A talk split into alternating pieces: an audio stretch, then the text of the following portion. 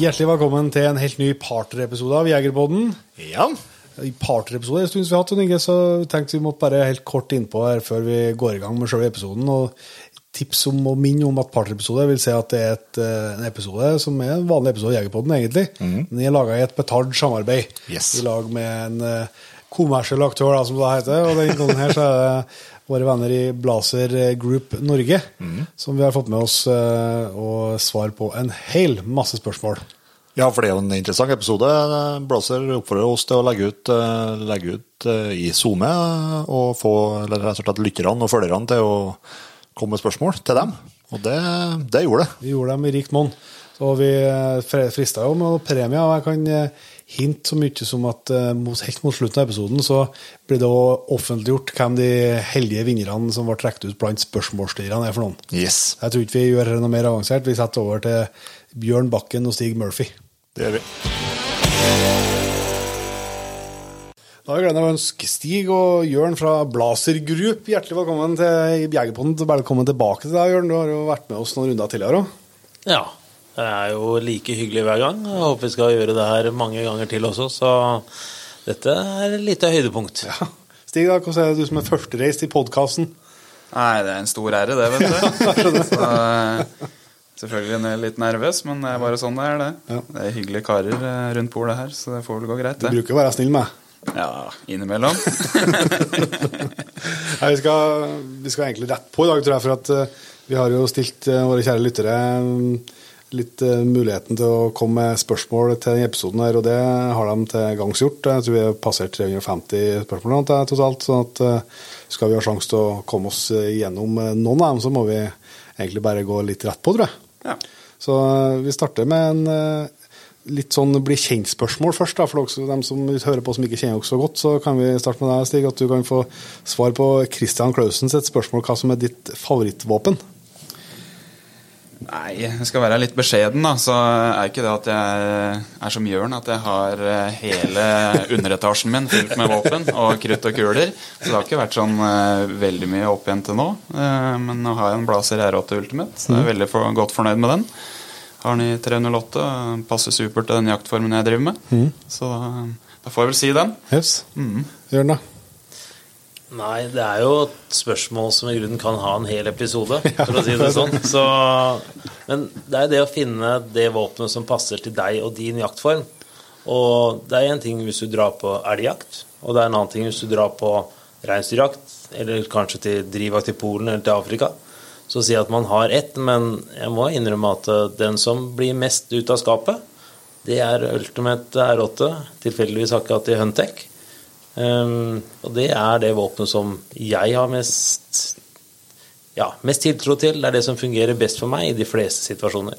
Så um, jeg hadde første sesongen med Ultimate i fjor, og uh, ja, det, det var veldig hyggelig. Jeg har bare hatt en vanlig R8 profesjonell fram til det. Så det med, der er vi enige, Stig. Den får bli med ut til høsten nå, den, skjønner jeg. Den blir definitivt med ut til høsten, og den blir nok med i mange år til. Og så er det å finne da det riktige kaliberet til, til den jakta som, som man gjør, da.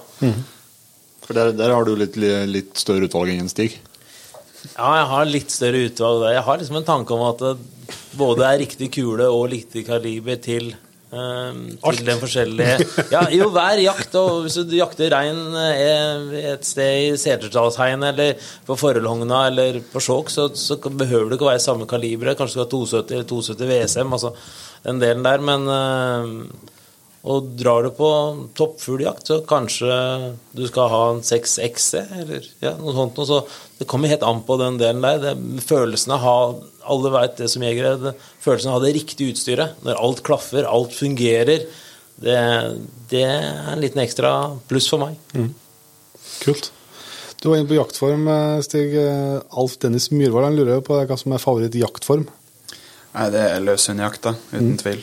Eh, jeg har en drever sjøl som er litt uh, opp og ned, men jeg bruker den i hvert fall på rådyr. Ja. Jeg er ikke så glad i hjort, men eh, jeg har nå vokst opp med den uh, drivende jakta på, på rådyr. Så det er det som står hjertet nært. Altså, de siste åra nå så har det blitt mer og mer hjortejakt det med løshund. Så er det både flere drevere og beaglere i, i jaktlaget vårt. Så det er, eh, nei, det er samspillet med hund, det, det syns jeg er veldig spesielt. Så eh, det er eh, desidert det som tar mest tid i løpet av sesongen. Bra. Jørn, da klarer du å velge ut noe Nei. jaktform? Har ikke sjans til å klare å velge ut noe. på. Men uh, all dagsjakt syns jeg er hyggelig. Det er, uh, men å sitte i et jakttårn om sola går opp eller sola går ned, det er uh, like stort og spennende som å smyge. Så av og til kan sitte seks timer og fryse oppe i Østerdalen og synes det er en fantastisk dag. Så nei, forandring fryder. Men eh, lagsjakt og kanskje mot elg også er nok det som jeg heller mest mot hvis jeg må velge den. Ja, så er vi jo Vi sitter jo her i juni, da, juni nå, men eh, det kommer en jakthøst da, nå snart. Hva er det noe spesielt å glede dere til, til, til høsten, da, som en Petter Eidal lurer på? Det er jo 25. september. Det er uten tvil. Det er, eh, det er høydepunktet hvert år, det. Så har man jo kanskje satt ut noen eh, viltkameraer da, og gleder seg til 10. august også. Prøve noen rådyr og kanskje fått noe kort på reinsdyr og ja. Prøver seg kanskje en liten tur til utlandet. Så, men 25. er alltid prioritert. De siste åra har det blitt 1. september eh, for meg, da, som er eh, mer og mer det jeg gleder meg aller mest til. Det går an å få ut litt bikkjer og sånt. Eh, Faktisk bruke børsa samtidig. Ja. Men eh, det er klart, det er ikke noe tvil om, som Jørn sier, at eh, den 10. augusten, den, den går vi og jobber for litt sånn fra snøen går. Da skal viltkameraene ut. Altså fylle litt tomrommet da, mellom, mellom sesongene. Så det Den største utfordringen er kanskje at den krasjer med messe, som er i de dagene også. Så hvem som skal jobbe, og det er vel ikke helt avklart Vi er ikke helt helt enige der, sånn innad i, i firmaet. Nå slapp jeg unna i fjor, så jeg tror jeg ikke slipper unna i år. Nei, vi har jo testa å være på jaktutgangene og jaktbukk sendt sent og tidlig som en kombinasjon, og det gikk bra en dag. Men på dag tre så var det ganske seigt. da, når liksom Steig stod opp klokka halv fire, og, og så messe hele dagen, og så ut på kveldsøkt etterpå, og så prøve å sove en time. Det anbefales ikke. Nei. Nei. Det er seigt nok uten messelivet, så ja. Eh, og så har vi en uh, fra jaktverden, det er vel et Instagram-navn sannsynligvis, uh, som kommer med en påstand her, da, rett og slett at dere må ha drømmejobben, og lurer på hvordan det føles.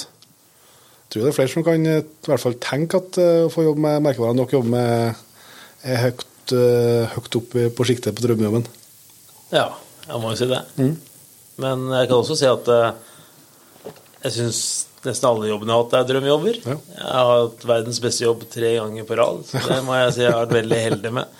Det er jo folka som gjør det, og hvis du også føler at de merkene du kan stå for, representerer deg og de verdiene du har, så er det jo ikke noe som er bedre enn det. Og øh, når jeg ble spurt om å, å få jobbe her, så var jo det definitivt min drømmejobb, og det har det jo vært ennå, men det hadde jo ikke vært det hvis ikke folka og, og, og de rundt deg på hverdagen hadde gjort det sånn. Da. Men øh, ja, jaktverden, jeg har øh, verdens beste jobb. Nei, Jeg stiller meg helt bak hjørnet der. Det er, eh, kan være litt skummelt å tenke at eh, en sånn jobb skal være det som betyr alt her i livet. Men uh, hvis du ikke har folk rundt deg, da, og folk du skal jobbe sammen med, som, uh, som ikke passer inn i det, så eh, kan det fort bli for al- altoppslukende. Så det er jo i hvert fall noe jeg er veldig bevisst på. da, At uh, vi skal prøve å, å ha det bra på begge plan.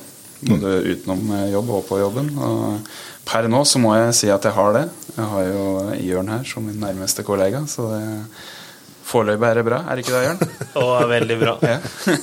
Hvis hun hjemme hører på dette her, så må jeg bare si at eh, det er noen helger som ryker med. eh, Men eh, jeg håper at jeg klarer å gjøre det opp til deg siden, da. Ja, for det, det er det som skal sies, at dere, dere er ganske mye ute på veien og, og får så mye store deler av Norge og besøker butikker. og det er, det er noen timer i bil og noen timer ut, ut på farten. Det blir det. eh, Definitivt. Det er jo en del av tankesettet vårt òg, åssen vi skal være for leverandør. Vi skal være der for butikkene. Så det setter jo litt krav til både meg og Jørn i forhold til aktivitetsnivået vårt ute. Mm. Det som er morsomt med det, er at du, du treffer jo så mye forskjellige folk som driver med forskjellig jakt, og så har forskjellige interesser, forskjellige hobbyer som du kan prate med. Og det er jo i hvert fall en av de tingene jeg syns er veldig spennende med det jeg gjør. Ikke bare det at jeg faktisk kan jobbe med hobbyen min, men du treffer også van mye vanvittig interessante folk, da. Er jo, du jobber jo og preiker om de tinga du syns er mest moro her i livet. Og du møter folk som syns at det er fantastisk topp, og da har det ikke noe å si at ja, vi, kjører vel nesten noen kapp med dere, da. Hvis du har en liten messe nå her på Sørlandet, da det, skal vi prøve å kjøre om kapp først opp til Nord-Norge i løpet av uka etterpå. Så det blir jo noen kilometer og kanskje noen monster og noen, eh, noen podkaster på vei oppover og tilbake. Men det er gjerne mye hyggelige folk du møter hele tida. Så det er eh, definitivt en del av jobben, ja. Ja. Skal vi ta en opptelling når vi kommer til Bardufoss på messa der på fredag og se hvem som har mest tombokser med energidrikk i bilen? Ja, da tror jeg dere får en hard konkurrent Jeg i stig. Men nå skal Jørn fly opp på fredags morgen og kjøre hjem igjen. Så jeg tror eh, hvis Jørn hadde kjørt oppover, så tror jeg han hadde grusa dere. Så, Ja, det er litt for små sånn der eh, i lommene på dørene er litt for små. Så når du åpner det, så det hender at det detter ut noen. Eh, Vi har vært på jakt eh, noen ganger i lag, Jørn, så jeg vet jo at du er en mann som har med deg litt i sekken. Så et spørsmål fra en Idun Myklebust her, da, på hva du alltid har med i sekken. Det er jeg litt spent på. Jeg synes Du har litt oppakning når du er ute og. Ja, jeg liker å være litt forberedt, men jeg prøver jo å bli flinkere og flinkere på gamle. I, I sekken første jeg tenker på, er en dorull. Det er, det er vel alltid det, og litt ekstra ammunisjon. Eh, Så har jeg en sånn, eh, jeg har alltid med meg en, eh, en sånn grensaks som jeg surrer der, og et sitteunderlag. Eh, du tar med grensaks for å rydde poster og sånn. Ja, jeg har alltid brukt det, og har den med meg. det er jo ganske stilt. Det, Altså, er- det er det som er hele poenget. Da ja. Istedenfor å knekke av eller begynne med øks eller prøve å gjøre spikke, eller noe, så er den eh, superenkel. Og du får fjerna både høyt gress og alt det der. Så alltid sette seg ned fort og så gi det ti minutter, og så klippe som en tulling etterpå. Sånn, eh, litt sånn, eh, The Hunting Gardener hadde jeg tenkt å ha sånn der, eh, ny konto på Instagram, men det dropper jeg. Nei, så er det er det, er det da fiskasj, eller er det hva som er ja, det er fiskasj. Jeg må innrømme det. Men jeg tror, jeg tror du kan være lykkelig uten den også. Men det er gammel jobbsak, så det er det. Eh, Så er det vel alltid å ha gode votter og god lue. Da tror jeg du kommer langt. Eh, Kanskje også hive inn en eller to sånne varmeputer som du kjøper for ti kroner på XXL eller andre steder. Det er det. Så prøv å pakke sekken til. Det som er fornuftig den dagen. Jeg skal prøve med en sånn liten Warn-sekk, sånn rumpetaske. Så jeg skal prøve nå, se hvordan jeg klarer å lage den ideelle sekken for eh, rådyrjakt i år. Ja. Får vi se. Stig, har du noe fast takst som alltid må være med? Ja, jeg tenkte å holde denne utenom, da. Når jeg har jo Jørn allerede nevnt denne dorullen, så jeg da får vi si det. Og så veit jo den på jaktlaget eh, hva jeg snakker om, så kan vi la det være med det. Henge lufta? Ja. Nei. Eh, enkeltmannspakke og en pakke med fyrstikker. Det er eh, stort sett eh, alltid med i sekken. Eh, det blir jo litt sånn varierende i forhold til type jakt, om du er ute og går sjøl, eller om du skal ut og sette deg på post, hva du har med. Men eh, ja. Ha med det og kniv, og så som regel en flaske med vann, sånn at du klarer å svømme og overleve eh, en stund. Så Og så eh, er det jo en kjenning, da, Jørn Magni der Bakken. Ja, navnet ringer eh, noen bjeller her, ja. ja. Han er, den er nok litt intern, da, men fangstrapporten, altså akevitten som redaksjonen her står for, da, hva, hva, syns, hva, syns du, hva syns du om den? Var så, vi var jo så heldige Stig, at vi fikk være med på faktisk eh, når eh, avduka han. Ja. Så det var jo Jeg tror jeg kan si det samme som det. Jeg er jo ikke spesielt glad i brunt brennevin. eh, Eller brennevin i det hele tatt, på alle former og sånn. Altså, men det er den beste akevitten jeg noensinne har smakt. Svar. Så jeg lar det stå med det. Det var, det var rett og slett en smash han la opp til en eh. Han passa godt til eh, vi har Hver første dag i elgjakta så har vi rakfisk, og her var den faktisk veldig god. Veldig god. Vi må gå litt over på eh, det her mer våpen- og jaktrelaterte eh, spørsmålene da, når vi var borte litt, eh, litt bedre kjent med både innhold i våpenskap og, og eh, opplegg på høsten. Eh, Jo Bjørnar Ryen han har et kikkertspørsmål. og hvor kikkert dere anbefaler som den perfekte kombinerte kikkerten til en postjeger på elg og lokkejakt på rådyrbukk. Det er det, som de fleste vet, kan være litt dårlig lys. Helst i en levelig prisklasse, som en ekstra twist på det hele. Det, Dere har jo da representerer jo merka på optikk fra Binox og fra Blazer. Ja. Um, og det er jo det siste del Altså, jeg vil jo si at en perfekt kikkert er jo Spesielt når du nevner at du skal til rådyrjakta, så må det være en stor lysåpning. Hvis du ikke skulle ønske å gå over til termisk eller andre ting som det, men i og med at du skriver eh, levelig prisklasse, så må du prøve å finne en kikkert som enten er 50 eller 56. Det kommer litt an på hvilken forstørring du bruker og sånn, men eh, det er veldig vanskelig å å anbefale noen. Eh, Finn, eh, finn en som passer lommeboka di. Og eh, rimelig for noen kan være 5000, og for andre kan det være 30 Så det finnes masse gode merker der ute. Og er man slik at man har mulighet til å prioritere jakt og matche med boka, så tror jeg både at eh, Zeiss og Leica og og Swarovski og Blazer har optikk i helt, helt i toppklasse, som du kommer til å bli kjempefornøyd med. Og ja, det er vel hovedsakelig det. Stikk innom din lokale jaktbutikk og, og få noen gode råd der. Men eh, selvfølgelig, til eh, når du nevner rådyrbukk, så, så er en 56 sikkert verdt det. Den, den, siste, den siste kvarteret å få med seg det. Det, er, det får du på 56-en. Eller 58-en, da, hvis du velger en Blazer. Eh, Hva, hva er det Minox eh, det er, jo, eh, det er jo ganske stort utvalg med optikk der, da. Altså i forskjellige serier og, og sånn. Er det, hvordan, hva er liksom er bestselgeren hos Minox? Nei, Det er vel den allrounder-serien da, som vi har. Eh, det er klart Der har det jo vært litt forskjellig de siste åra, men den, den som heter allrounder-serien, er jo den vi har valgt å, å ha fokus på her i Norge. Ja. Eh, I tillegg så har vi også et, eh, et langholdssikte, Mm. et long range-sikte. Som men det er klart det blir litt mer spesifisert marked, litt smalere marked da, enn en tradisjonelle jaktmarkedet. Men det er eh, de allround-kikkertene som vi har en fem ganger forstørring på. da. Én til fem, to til ti og tre til 15. Og de er satt sammen og konstruert og lagd i Tyskland, på fabrikken der. Og eh, ja, kommer i den prisklassen under 20 000. Og dem har de, jo de vanlige 56 og, og 42 og 40, eh, 56 og 50 og 30 Ja. Det er jo de som er størrelsene der. på, på lysåpningen. På lysåpningen. Ja. Bra. Eh, Håvard Wiggen da, han har et eh, spørsmål her. eh, Det virker som han vil vurdere en R8X, eh, og lurer da på om det er andre forskjeller enn at det er fast magasin sammenlignet med vanlig R8. Eh, og hva vil dere dra fram som for- og ulemper med R8X?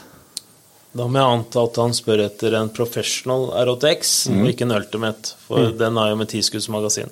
Hvis jeg antar at det er en R8X eh, professional, så må jeg skuffe han litt og si at den har, eh, den har ikke vi mer, men du kan alltids finne den ute i butikkene. Eh, Eller i brukt, eller i bruktmarkedet? Ja, i bruktmarkedet så vil du da finne de der, så de har eh, Blazer sluttet å produsere. Eh, det fins i grunnen ikke så altfor mange fordeler og ulemper. Det er det at du, den kan bare eh, mates ovenifra.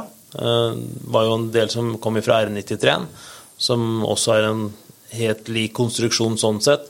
Men eh, der har du da, med R8-en, så har du da muligheten for å få de nye løpa og andre, eh, de andre fordelene som en R8 har. Men uh, hovedsakelig så er det det samme løpet, den samme sluttstykket, samme låsekassa, alt der. Med unntak at du ikke kan ta ut magasin i bånn.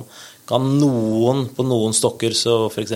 fra GRS og en del andre, så er det jo litt klønete uh, at du ikke kan ta ut magasin. De, de stokkene er lagd for det. Så, men uh, Og så har du, du har mindre utvalg på, på sånn type oppgraderinger senere, ja. Ja, det, det, det vil jo være mindre, da. Mm. Ultimaten og de andre stokkene våre vil jo, og konstruksjonene være bedre. Den, den låsekassa til Ultimaten vil jo være mer utbyggbar sånn sett, da. Skjønner. Eh, Tommy Forsbakk da, han lurer på om Sauer har noen planer angående rettrekker, og eventuelt hvilken modell og når. Er det noe breaking news? Nei, vi er ikke som vi veit, Jørn. Er det det? Nei, det vet jeg ikke. Men jeg kan jo si det sånn, han som heter Julian Wengemeyer, som er ansvarlig for merket Sauer, han sa vel det bare for noen år siden, at uh, ikke i hans eh, tid ville Sauer komme med rettrekker. Nei. Så det tviler jeg veldig sterkt på. Han jobber hos oss fremdeles. Ja.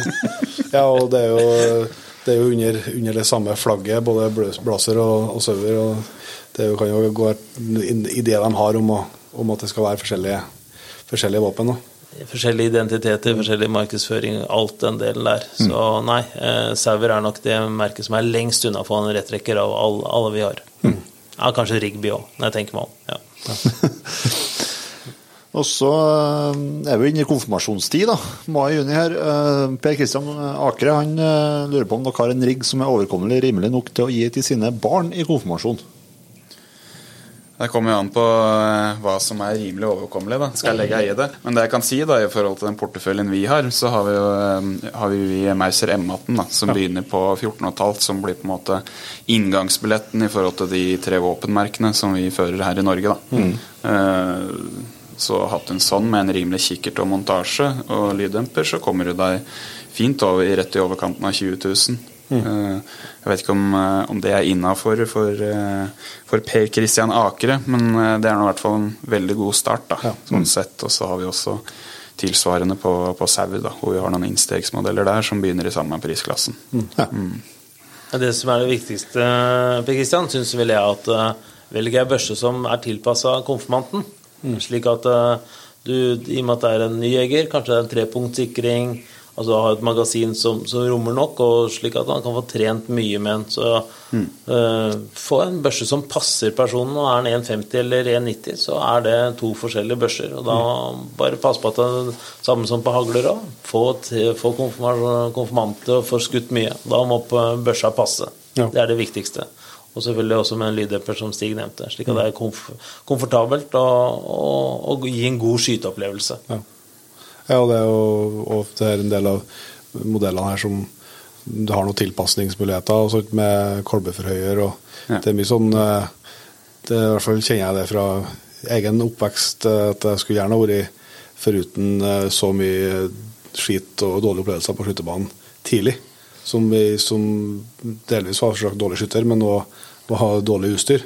Det er jo ikke, nå hadde jeg en såpass eh, sterk jaktlyst inni meg at det skulle mer til enn en enn dårlige skyteopplevelser på banen for at jeg ikke skulle bli jeger. Men sånn er jo ikke for alle. Nei, det er ikke det. Og det er jo nettopp det, derfor eh, det er så viktig, da, som Jørn sier, at uh, får man gode skyteopplevelser og gode opplevelser i starten, så gir det også motivasjon til å faktisk dra på banen, da, og ikke bare for mange så har de 30 treningsskudda, det er pliktskudd, og så gjør de seg ferdig med det, og så er det prøva. Eh, jeg drar jo på banen i løpet av hele sesongen fordi jeg har så god opplevelse med børsa mi og, og koser meg. Skyter eh, opp til, opp til tusen, minst 1000 skudd før eh, sesongen begynner. Så Hvordan gikk det på løpende elg nå forrige uke, Stig? nei, det gikk ganske greit. Jeg har, bilde, jeg har bildebevis, og det så rimelig greit ut. Så jeg kan egentlig bare gå ut eh, 10. august. Det er ikke noe problem. Nei, Nei men eh, spøk til side, da. Det er, eh, det er at eh, Første er eh, sikkerhet, og an- andre er at det skal, eh, det skal eh, gi gode opplevelser og passe. Bra. Eh, Alexander Johansen han eh, har et spørsmål om hvordan våpen dere vil anbefale til løsjakt på elg. Kaliber, type osv. Det er jo nok en gang hva som, hvordan type jakt det er, og er det løshund på elg som det er snakk om her, så vil jeg anbefale en kort eh, børse. Gjerne børse som du kan trygt ha et skudd i kammeret, f.eks., når du går med. Da vil jo en børse med oppspenner være å foretrekke. Um, og da vil jeg også tenke at i kaliber så er jo sånn eh, det er, For meg så er det sånn Kaliber er ikke så veldig utslagsgivende hvis du bare skal ha én, men hvis du skal ha litt flere kaliber, og spesielt med elg eller bjørn, så vil jeg si at eh, da er 30, eller kaliber 30 det minste du bør gå for. Også litt med tanke på kanskje med fremtiden med kobberkuler og den delen der. Så om du velger eh, 3006, 8, 8 ganger 57, 8,5 55 eller 9-3, så tror jeg du blir veldig fornøyd med det. Tenk på en eh, patron som er litt kortere, slik at du kan kappe løpet med litt bedre samvittighet.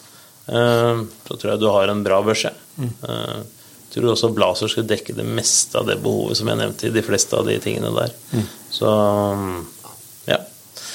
Skittjakt. Og så en eh, Frode Olsen.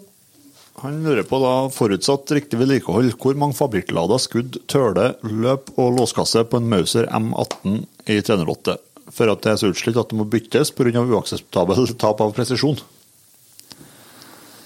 Ja, Når det kommer til presisjon, så er det vel antagelig han fyren som holder i børsa, som er den største utfordringen som alle konstruksjoner har. Mm. Eh, Idet et menneske tar i børsa, så blir det jo dårlig presisjon. Altså Så enkelt er det jo. Vi, vi tilfører jo bare dårligere presisjon. Ja. Men eh, kan vel si at generelt sett så i 308 Det kommer litt an på om du bruker kobberkuler eller ikke, men jeg antar at du bruker mest mulig vanlig treningsskudd, da, og kanskje ikke skyter så mye kobberkull, så bør du komme fint opp mot en 6000-7000 skudd uten at det skal være noe mangel på presisjon. Og hva er presisjon for jaktmessig? Altså, hvis du klarer å ha en snusboks altså 5 cm på 100 meter, ja, jeg tror jaggu du kan strekke deg enda lenger enn det også. Mm. Det kommer litt an på. Ja. Hva er kobberkula, da? Hva har det, har det sliter, slitt, slitt mer? Ja, det er jo et større trykk. Det er jo mm. hardere kuler. Og så mm. vil du ofte gi da et belegg også, som hvis ikke du er flink å, å pusse eller å, å, avmantle den saken, så, så, kan man jo få dårligere presisjon med det. Så det er jo, jeg vil jo si at antagelig for de fleste jaktbørser så er det vel pussen og vedlikehold og sånt, så tar den før skudda. Mm. Ikke, hvis vi er helt ærlige med oss sjøl, så er det ikke mange jegere som skyter så mye mer enn 5000 skudd gjennom en børse gjennom et liv. Er, eh, og de som gjør det, de, de, har nok et litt annet forhold til det enn en, en, en de som bare har en M18 eh, i 308 eller en enklere ting. For de som skyter mye, så har de nok også antagelig flere, flere løp og flere kalibre, vil jeg mm. tro. Så mange, mange trener nok mer med 6,5, og så kanskje jakter de med noe annet. da. Mm. Og så vil, vil, det være sånn at uh, raske kaliber som, altså med masse krutt og, og lette kuler sliter. Ja, jeg vil si at hvis du tar en magnumpatron f.eks. i 7 mm remag, så mm. kan det kanskje hende at du er under 2000 skudd mm. uh, før, før, du begynner å, å, miste den. Men det er jo, den presisjonen er jo mer hva du stoler på i børsa. Mm. Hvis du føler at den ikke er god nok for deg, så er, har du en utfordring. Det, det, sitter jo mye mellom øra her også. Mm. Den delen at du skal gå ut med en børse som du veit går der. Og uh, ja, jeg håper jo dere dere har jo oppgradert børsene deres litt siste år og fått litt følelsen av hva det vil si å, å skyte med børser som du har tiltro til. Mm. Eh, Lars Lømo lurer på om en passer en gammel R93 offroad-kasse ned i en profesjonell stokk? Nei, er vel korte svaret der, Jørn. Ja. Eh, største forskjellen der er jo at eh, R8, som sitter i en profesjonell stokk, har jo utdagbart eh, magasinhus. Men det har jo eh, ikke R93. Bare hadde en professional stokk der òg, eller var det kun var det offroad? R93-kassa er også kortere. Okay. Så den vil ikke passe inn. Eh, og R8-kassa også breiere. Hvis du finner brukt eh, profesjonell stokk eh, til R93, da, vil de kunne flyttes over imellom der? Ja, Utfordringen er at låskassa på R93 og R8 er forskjellige. Ja, men Ikke på, ikke på R8, men på R, R93 kommer vi over flere flere utvalg på stokk, offroad? Eller sånn oh, ja, sånn, variant, ja. okay, ok, Fra en R93 offroad til en annen R93 professional stokk? Ja, den offroad-stokken. Sånn, sånn jeg lest spørsmålet. Ah, er det sånn du leser spørsmålet? Ja. Offroad-stokken er vel en, eh, er vel en, en, eh, mer en, plast... En unik stokk, blant annet er forskjellige rekylkapper og forskjellig. Vet du hva, det, Da skal jeg ikke være så bastant. Da skal vi si at da kommer vi tilbake på det spørsmålet. Mm. Ja, det, det, det, kan, det, kan, jo, kan jo være at han spør om begge delene. Eller, altså, men derfor har jeg tenkt når jeg leser spørsmålet. Men passer da altså ikke i en R8? Nei, nei fordi, fordi låskassene er forskjellige, så ja. de vil ikke passe om hverandre. Men om en offroad R93 passer i en annen professional R93, det må jeg jaggu dobbeltsjekke på kassa. Men jeg vet at det er en del andre ting som ikke er det. Eh, blant annet eh, ja, som du snakka om rekylkapper og en del andre mm. ting som det. Så er det ikke, men jeg kommer tilbake til det. Mm. Neste her er en Emil Bjørn som Lurer på om du får tommelhølstokk til Søver 202? Det gjør du. Uh, har vel faktisk også på lager, eh, Jørn? Ja, det er både vanlig Hashtag og, reklame. eh, og både vanlig og synkro er, eh, er ting vi kan skaffe. all, all, alle, våre, alle våre forhandlere har mulighet til å bestille det. Mm. X det heter vel det stokksettet der, da, som har tom, både tommelhull og, og høydejusterbar kinnstøtte. Ja. Samme type design som du kjenner igjen på 404 Synkron og, og på 303. Ja. Så det er faktisk å få tak i fortsatt. Og så har vi vår gode venn eh, Alvar Hansen, som, eh, som han la merke til sannsynligvis det her eh, bildet som var lagt ut på sosiale medier med giveawayen.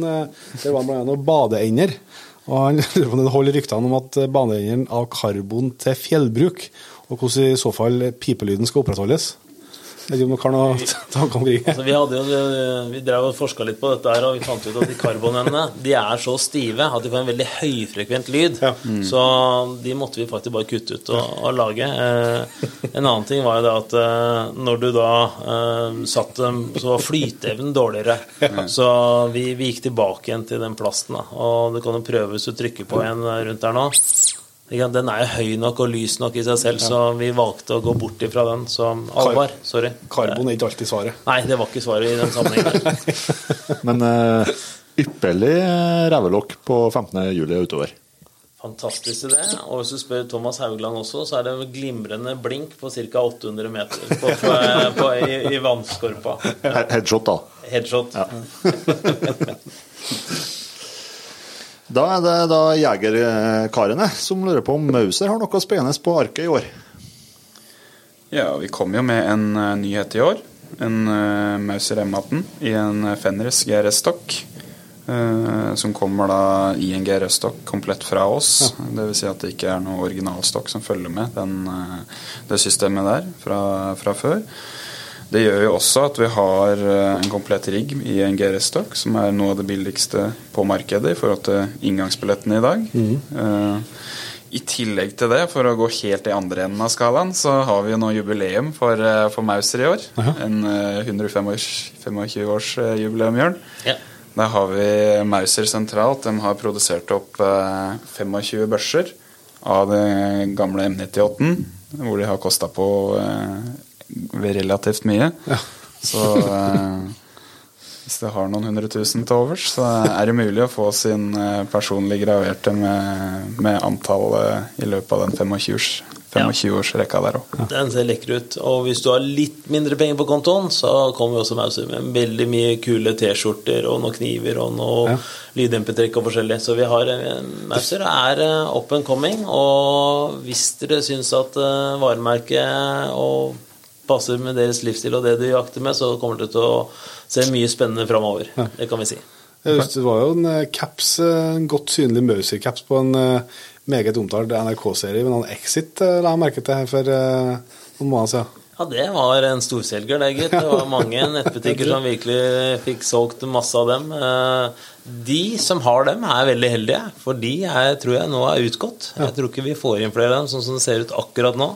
Så ta godt vare på dem. Eh, Men Mauser kommer mye mer spennende ting framover. Og det behøver jo ikke å være aksjemegler med hvitt pulver i posen for å bruke dette greiene her. Så det er for alle. Uten at jeg vet, så tippa de fleste Mauser-brukerne ikke. Men det, Jeg vil også tippe det. Jeg vil også tippe det. vi. Ja, ja. Vi håper i hvert fall det. Gjør vi ikke det? Eh, Simen Holtmoen han eh, lurer på hvor ofte dere anbefaler å sende inn en R8 Ultimate på service til en blazerbørsemaker. Men forstått, det sånn at gjøres eventuelt oppgraderinger og skråstrek utskifting av deler som har fått en forbedring. Jeg vil jo si at uh, if it ain't broke, don't fix it. Uh, funker børsa sånn som du vil ha og det, eh, og det ikke er noe spesielt med den, så kan du fint skyte mange, mange tusen skudd med den før det er noe grunn til det. Eh, men hvis vi får inn, og det er noe defekt slik at den ikke fungerer, så vil vi da eh, reparere og erstatte den delen med den nyeste versjonen vi har. Ja. Og det skjer masse småting hele tida som gjør at eh, det er det. Men det er vel ingen av disse tingene, hvis vi ikke går ut med det og sier det, som gjør at det vil endre eh, din følelse av skytinga eller med børsa. Men har, du, har du en blaser som er noe feil med, så må du bare sende den inn til den lokale forhandleren din, og så fikser vi det. Selv, eh, selv en eh, Rolls-Royce stopper jo innimellom. Ja. Hva det her eh,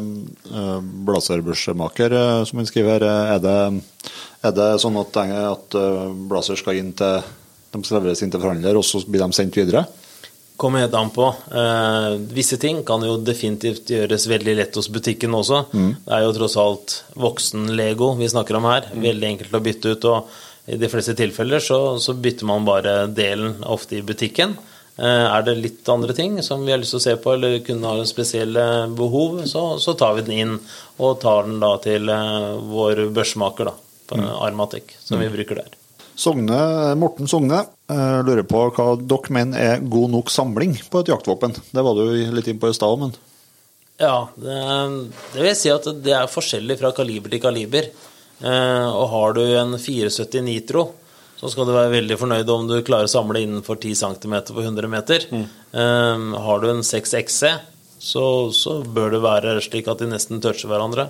Så vi, der har Blazer forskjellige krav til de forskjellige mini- eller maksimumsspredning på de forskjellige kaliberne. Så det tar vi fra kaliber til kaliber og pipe til pipe, for å si det sånn. Da. Men generelt sett så er det jo mange som mener denne Moan, som betyr da mer eller mindre rett i underkant av 3 cm. På 100 meter er vel det som er en sånn slags standard. Eh, ja. Så hvis han har noen spørsmål direkte, så må han gjerne ta det inn eller ta det opp med forhandleren sin, og så kan vi se på den enkelte. Men eh, det er veldig, veldig sjelden at, eh, at, at vi får noen løp som ikke holder den standarden vår som ja, normalt ligger i underkant av Moa. Men nok, nok en gang tilbake til forskjellig fra kaliber til kaliber. Og skytter til skytter. Det også, men vi håper jo når vi tester og, og kontrollerer disse her, at det er, det er Ja, børs, børsa vi får gjort med Ja, det. men det er bare liksom hva du, hva du er villig til å på en måte go- godta. Og hva Ja. du på en måte føler altså, Det ene er jo hvilken jaktform du skal bruke den til. er jo ikke helt uvesentlig. Du har eh, litt mer å gå på på en elg enn eh, på en orane på Def, på definitivt. Og da kan du si at eh, det er også noen eh, Det er viktig å spesifisere at vi driver ikke med benchrest-skyting. Altså våre piper, våre våpen, er laget for jakt, Mm. og derfor har en jaktpresisjon. Eh, hvis du snakker om de topp, topp matchene som, som snakker om at liksom, du skal ha fire-fem skudd som skal alle touche hverandre på under ja, på tommelnegl på 200 meter, ja, der, der, er det ikke, der er ikke disse pipene, men de, for jaktpresisjonen så, så skal du være definitivt nok til å ta tillit til å drive med all normal jakt på denne, de børsene vi har av alle merkene våre. Andreas eh, Christensen han lurer på om det er mulig å få Mauser med heldempa løp. Og eventuelt hvordan tidligere et oppfølgingsspørsmål er på vektdifferansen i forhold til vanlig løp med demper både på Blazer og eventuelt av Mauser. På Mauser så har vi ikke noen eh, modeller som vi kan få heldempa løp på. Eh, Det vi har i porteføljen vår av det, er på Blazer og på Sauer. Mm. Foreløpig ikke på Mauser. Eh, Når det gjelder vektdifferansen, eh, har ikke jeg målt akkurat på grammet her, eh, Jeg løp Jørn. ut i stad, jeg. Ja, du gjorde det? Jeg gjorde det faktisk. Så den, Det er derfor Jørn er sjef, vet du. Så den, he- den heldempa, eh, som er i grunnen bare en helt vanlig konstruksjon, men som også da har en, et kammer som går lenger bakover, ligger på litt over 600. Og en standard eh, lyddemper fra de fleste andre ligger vel på rundt en ja, 350 til 450. Med, med tilsvarende demping. Tilsvarende demping. Eh, Det som er forskjellen på oss, er jo at det, det blir jo da eh, på den eh, løpet som den skrus inn på, er det også en del utfresninger. Så den blir da lettere enn den vanlige pipa.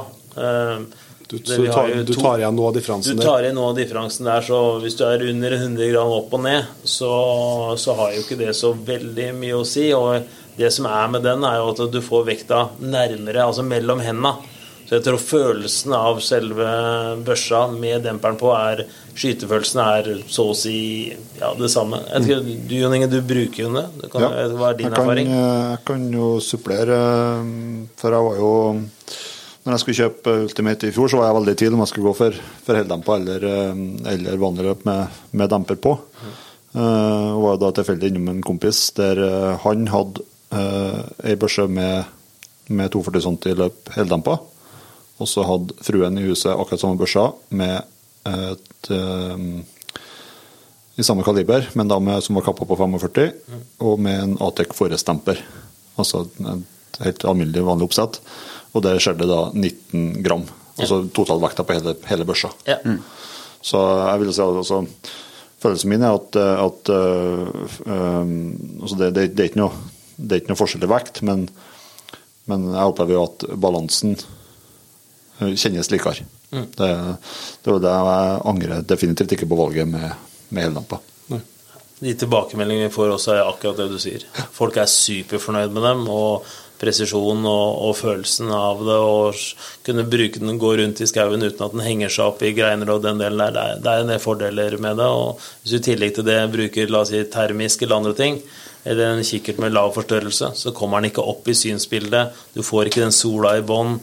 noe på jakt så er ikke det det helt store utfordringen å komme opp om du skyter på jakta di, men, eh, men generelt sett så, så, tror jeg de fleste blir veldig veldig positivt overraska. Mm. Og når vi har, eh, når det, hvis dere ser oss i en butikk, eller noe, og det er skytebane, så kom og prøv den. Vi har den alltid med oss. og vi var senest nå i helga på et eh, skytebane, og alle de som prøvde, var bare wow, dette her var eh, noe annet. De syntes det var gøy, og også skutt på løpende elg, så, så merka de det at de fikk en veldig fin sving på den. Så, så, det er hyggelig. Men hvis du har en uh, Ultimate eller en, en da, som, som, ikke har hellamper, og du kan tenke deg oppgradert, må du selge børsa og kjøpe en ny en, eller må du, kan du bytte, bytte ut deler og bygge opp, bygge opp det på nytt? Med Nei. den samme riggen? trenger, du trenger ikke å selge børsa. Det gjør det ikke. Det er jo det som på en måte er, i hvert fall sett på R8 Ultimaten, da, som var den siste modellen som kom nå, mm. Er jo på en måte det i forhold til suksessen at det, det er jo mer, mye mer modulært valg. da. Ja. Så sånn sett på en R8 Ultimate så kan du da bytte forskjefte, da, eh, eller fortere, og mm. så mm. sette på et, eh, et forskjefte som er sparra ut til den profilen på, til et silence-løp, da, som er på 32 millimeter. Eh, disse vanlige løpa våre så er på, har jo 17 mm profil. Mm. Så sånn sett så, så, kommer du unna med det. da. Ja. Så det er litt sånn videreføring av det modulære systemet som vi har i hvert fall på Blazer allerede nå. Mm. At du, du, faktisk bare kan, som Jørn Schei sa, det er Lego for voksne. Du mm. kan bare bygge videre med, fra du har starta. Mm. Mm. Det er jo det, det, er det å gjøre med at jeg har, med at jeg har et 6,5-løp som er vanlig. Og da, det er jo det er jo én skru, så bytter du fortere. Mm. Det er... kan du bytte til 22 salong også når, når, den tid kommer. Så det er bare Lego for voksne er et ja, jeg syns det er et bra dekkende sak. Det er, Har du en brak og nøkkel og, og ti minutter, så har du fått bytta både fortre og alt det andre. Ja, og det er veldig trivelig Lego. ja, jeg syns det. Vi syns det, alle sammen der. Ja. Eh, Siverto, han, det er vel et Instagram-navn. Han eh, har vært på Camp Villmark og sett Blazer Easy Custom og lurer på når det blir tilgjengelig som vist på Camp Villmark. Men først, For dem som ikke vet hva det er, så kan du først se noe om hva Blazer Easy Custom er og tenkt å være. og så altså, tanken med Easy Custom er jo at det, skal være en lavere terskel i forhold til det å kunne legge mer personlighet uh, i din eget våpen. da. Mm. Altså Uten at du skal trenge å, å, dra ned til Tyskland og velge ut ditt eget treverk, eller uh, sitte der med en arkitekt og, og, tegne opp hvordan du vil ha uh, låskassa seende ut, og mm. osv. Her kan vi snakke om det kan være så enkelt som en pistolgrepskappe, hvor du graverer inn bilde av hunden din. Mm. Altså, det kan være dette lille ja, innsatsen som er på, på kinnstøtta, eh, eller på en vanlig stokk. Mm. Du kan, du kan, skrive inn navnet ditt. Eh, så det kan være så mye. da. Egne skinn, skinninnsatser med spesielle mønster og spesiell farge på sømmer. Ja. Det er på en måte ja, rett og slett en enk et enklere måte da, på å kunne oppgradere børsa di, mm. uten at du skal kunne koste flesk, da, hvis du kan si det på den måten. Og at det, skal kunne fungere både når du kjøper et helt nytt våpen, men også at du kan gjøre det uh, etter hatt børsene når. Ja, og det er jo noe av det viktigste av oss uh, som, har, som, vi presiserer nå. Da, at dette skal på en måte være mulig å gjøre i ettertid. Da, uh, selv om du på en måte ikke har kjøpt et originalt på et våpen fra før. Ja. Mm. Nå er jeg jo Fra hjemmefra så har jeg defineres som tidsoptimist. Ja. Så i den sammenhengen her også så er det en plan vi har for å få dette ut i butikkene i løpet av høsten. Ja. Så får vi se om vi får til det. Men tanken tanken var at alle forhandlerne skal ha et lite kit og eh, muligheten slik at du kan stikke innom butikken og, og få kjent på dette i følelsen i hendene og mm. se på det. Så får vi se da om vi klarer det. Men eh, Og med det også en sånn uh, brukermanual, da. Eller på en måte en veiledning som uh, hvor faktisk sluttbrukeren uh, kanskje kan få noen ideer ned i hodet. da. Og så man starter å kverne på litt ting. Hva er det faktisk jeg vil? Ja. Eh, hva er det som er mulig å få til, da. Så eh, et veldig spennende konsept som vi lanserte så vidt på Camp Filmmark i år. Og så gleder vi oss veldig til fortsettelsen når vi kan få gjøre dette fullt ut sammen med forhandlerne og, og ut til sluttbrukerne. da. Ja. Tøft. Jeg så jo Det var jo Det kunne du virkelig bruke litt tid på å stå, stå og klikke opp forskjellig og se på. Ja. Kanskje sånn istedenfor sånn? Ja, kanskje prøve litt sånn? ja, Det. Og det er det som er tanken med det settet der òg, at da får du faktisk sett da, eh, hvordan det faktisk ser ut. Ja, ja. Det er en, en ting er jo ofte at du har en tanke oppi hodet, og så må man få den ned på papir og se åssen det ser Ja. ut. Så han er kanskje ikke var helt det man hadde sett for seg, Nei. men da har du faktisk muligheten, da, når forhandlerne har disse setta, ved å og faktisk Å nei, skal vi gjøre den lille justeringa der? Ja. Ok, ja, det, det var det jeg var ute etter. Hvordan skal det bli for deg Jørn, når du ikke bare skal ta valg på vegne av kikkert og løp lenger, når du i tillegg skal begynne å bytte ut eh, hvordan fargen skal være på skinnet i dag? og skal matche med den, eh, med den bilen du har, eller altså, den, eh, den, den buksa du tar med deg på den delen. Det blir ganske mye, men jeg føler at du kaster litt stein i glasshuset der. For at det, den konfiguratoren din er ikke akkurat brukt rent lite fra før, så jeg tror, jeg tror vi er ganske like der. Det er helt ærlig. Av, av alle fire rundt bordet, så Ja. tror jeg det var Ja, Da går vi videre. Randi Stokke Lerheim. eh, Hun lurer på hva slags jaktammo anbefaler dere som går best til storviltjakt i min ferske R8 kaliber 308. Hun har da brukt eh, Norma Bondstrike 11,7 grams i høst. Fantastisk kule. Og Randi, hvis du liker den og tror på den kula der, så skal du bare fortsette å bruke den. Det er eh, Hver enkelt børse, hver enkelt pipe har sin egen harmoni eller personlighet. Så det er nesten umulig å anbefale. Men velger du høykvalitetsammunisjon fra ja, kjente merker, om det står Norma eller Federal eller eh, RVS eller La, Lapo eller hva det står på dem, så ta det du, det du får god erfaring med. Og eh, bruker man en, det som du nevner her, en Bonda-kule eller en homogenkule til eh, elgjakta di, ja, du kan ikke gå feil. Det tror jeg nesten er en slags fasit. For at eh, jaggu er vanskelig, og, og jaggu går an å, å komme med mye meninger omkring akkurat det kulevalget. Og det er gode argumenter for alle sammen nå, Ja, ja. Så det, Ja, og så er det som du sier, så ene er jo eh, ene er jo liksom presisjon og hva som går i ditt løp. på en måte, og hvor, jeg tror For min egen del så tror jeg at eh, som du var inne på, at eh, det er jo mer han som holder tak i børsa, som, som er større utfordring enn eh, enn hvilken presisjon jeg får av, den, av kvalitetsammunisjon. Men så er det jo hvilken effekt det har, og, og hvor mye du har fått lov til å teste i effekten, og hvor ekstremt mange parameter det er når den effekten skal vurderes fra situasjon til situasjon, som kanskje er vanskelig å, å ta inn over seg. I hvert fall er det for min del. Uansett, så ikke spør på Facebook, i hvert fall. Det er, det er, det er, det er liksom de mest meningsløse spørsmålene jeg får akkurat der, er liksom hvilke kuler skal jeg bruke? Eh, Test den du har. Den kula du har, eh, Randi, den er perfekt. Det vil jeg si. Håkon eh, Hyld Akselsen han lurer på av, av merkene Blazer, Mauser og Søver, hvem blir det solgt mest av i Norge, og hvilken modell? Ja, jeg er litt usikker på om man tenker på år eller over tid eller noe annet for det Ja, ta, dere, så, så, dere har i hvert fall tall fra dere starta opp i Norge. da. Ja, jeg vil jo si at generelt at uh, både Mauser og Sauer og Blazer er ja, til dels forholdsvis like i antall, men selvfølgelig så kan jeg si at uh, kanskje verdien på Blazerne ligger litt over. Så R8 i seg selv, eller uh, M, M18 eller Sauer 100, alle de tre har eh, forholdsvis likt. Det er mulig R8 ligger litt over, kanskje. Jeg veit ikke. Jeg har han, ikke han gjør nok det. Ja, litt over. Ja. Ligger litt over. For dere, eh, da er det jo R8 Nå vil jeg tro at det er Ultimate som er den det går mest ut av R8-en, i forskjellige varianter, eller? Ja, ja, både R8 Ultimate, men jeg vil også si vi har jo den Professional, som er insektmodellen vår. eh, Black and Orange-versjonen, som vi har solgt veldig, veldig bra. Ja. Asgeir Flenstad han lurer på om Mauser kommer med en erstatter for M03. Da må jeg si sorry, Asgeir. Sånn som det er nå, så ser det ikke sånn ut. Vi måtte under koronaen ta noen dumme valg. Og et av de var at eh, pga. det kom nye regler på hvor nærme folk kunne jobbe på produksjonen, så måtte de fjerne en produksjonslinje. Og da måtte de bare gå inn hardt og brutalt og se hvilken linje som de skulle ta bort, og det blei M03. Det var kjempesynd, for det var en kjempebørse med sine egne kvaliteter, og spesielt for de som ville ha litt eh, kaliber, eh, pipebytte, systemrifle med litt kraftigere kaliber. Eh, har har jo fremdeles folk som, som har en eh, 375 M03, og som aldri bør bytte. Det er en fantastisk systembørse til det.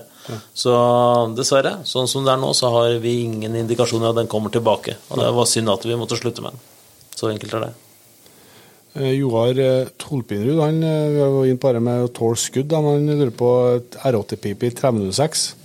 Eh, Når bør du tenke på det byttet av den? og eh, har, Det kan jo være at det, sannheten kommer i neste linje, her da, at han eh, har lyst på et pip til. Eh, og Hvilket kaliber anbefaler i tillegg til 306 på elg, hjort, villsvin og bjørn?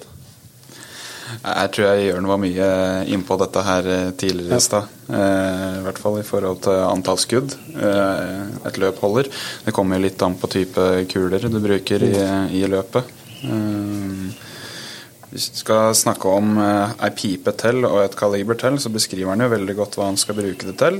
Eh, allerede har et 30 kaliber, og jeg ser ikke noen grunn til at han skal gå noe mindre enn det i forhold til de viltartene han beskriver. Så som vi var inne på her tidligere, så 857, 8,5-55 blaser, som vi har her, 9362, vil jo være ypperlige valg til, det, til den jakta han beskriver der. da. Det er jo vilt som, eh, som krever litt, eh, litt punching power i forhold til når du skal skyte det. Så jeg tror jeg han vil være godt fornøyd med det. Hvis han lurer litt mer sånn, så kan vi si at eh, de blasepipene vi har f.eks. de 200 STR, der er det jo flere norgesmestere som skyter nærmere 7500 eh, skudd med dem. Eh, og hvis du da tenker at dette er til jakt, så at du kan nærme deg 10 000, det tror jeg ikke er noe problem i det hele tatt. Nå har vi en eh, Andreas Furnes Fjærli. Eh, Det er et spørsmål som har gått igjen hos flere. Jeg har sett det, og dette med om det er noen planer om en ny rifle fra Blazer. Da. Vi håper jo på en verdensnyhet i Jegerbånden her. da, og R8 kom, for 15, kom 15 år etter R93, skriver han, og som har 30-årsjubileum i år. og Nå er det 15 år siden 2008, og R8 ble lansert. Da. Det er jo på tide med en Blazer R23 om 15-årssyklusen skal følges. En eh, Andreas her. Skal ikke si jeg har blitt skuffa, Andreas, men jeg har kjøpt noen løp bare i år som gjør at det hadde ikke vært planen min, i hvert fall.